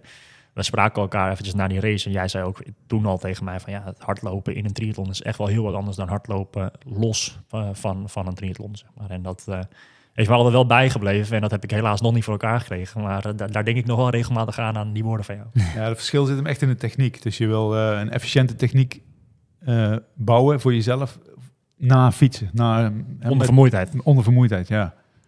En ja, je kunt aan de start staan van een lokale loopwedstrijd. Dan zie je die, die, die echte lopertjes allemaal, allemaal stuiteren voor de start. Ja. De laatste kilometer, dan is het allemaal slenteren. En bij mij, ja, het zag er misschien niet eh, super mooi uit, maar het was wel heel efficiënt. En wat ik ook had, ik werd niet slechter. Mijn techniek werd niet slechter. Dat Ja. bleef gewoon altijd heel constant. Dus daar wil je echt naar op zoek. Misschien iets wat niet zo mooi uitziet, maar het wat gewoon heel efficiënt is. Lionel Sanders stijl ga ik doen eh, vanaf. Nee, je kan, wat Bas zegt, kijk, je kan daarvan zeggen wat je wil van Lionel Sanders. Hij maar loopt knijterhard. hallo, ik kan me één keer, het is grappig dat je dat zegt Bas, over het lopen. eh, een keer in Veenendaal herinneren, was vaak het NK een paar jaar achter elkaar, Olympische afstand. En jij haalde mij daar, eh, jij dubbelde mij met lopen een keer. En nou, dat zag je van, je hoorde dat van een afstand aankomt dat je eraan kwam, laat ik het zo zeggen. En dat was net rond het stadionnetje, dus waar veel publiek stond. En je haalde mij in en er stonden wat bekenden langs de kant of zo van mij, weet ik veel. En toen ging ik achter jou, ging ik jouw loopstijl eventjes een paar seconden nadoen. dat vonden mensen grappig. joh. Want je had echt een, ja, een- een- jij liep heel breed wat dat betreft. Maar het was wel de loopstijl, je, je ging er wel hard mee. En dat is het belangrijkste. Ik vond het grappig dat ik won. Ja, precies. Ja, Daar gaat het om. Daar, daar gaat, het om. gaat het Jij was aan het lachen op het podium. Jij werd gedubbeld, zei je. Misschien wel twee keer. hey Bas, ik wil je ehm, namens ons drieën onwijs bedanken dat je eh, de tijd voor ons had. eh, dat we bij je langs mochten komen, letterlijk dat. Ehm, ik vind het ook heel dapper dat je eh de ja op hebt gezegd. Wat ik in het begin ook al zei. Dat je zei van, nou, gaan we dat doen. Dan gaan we regelen. Het was alleen even kijken naar tijd en moment. Dat hebben we gelukkig gevonden. Maar ja, onwijs bedankt. En ehm, heel veel succes met het, het zakelijke, met je werk. De komende nou ja, jaren denk ik wel dat je daar eh, mee doorgaat. Zeker. En wie weet, eh, ja, we kijken er wel naar uit. Zien we je ooit nog eens terug bij een, eh, bij een wedstrijdje? Al is het eh, als atleet of aan de start, eh, hè, of aan de zijkant als coach, zou ook leuk zijn. Eh, ja, onwijs bedankt en ehm, we gaan je volgen. Ik heb eh, een heel fijn anderhalf uur gehad. Leuk. Ja, leuk. Dankjewel Bas en tot eh, een volgende keer. Zeker weten.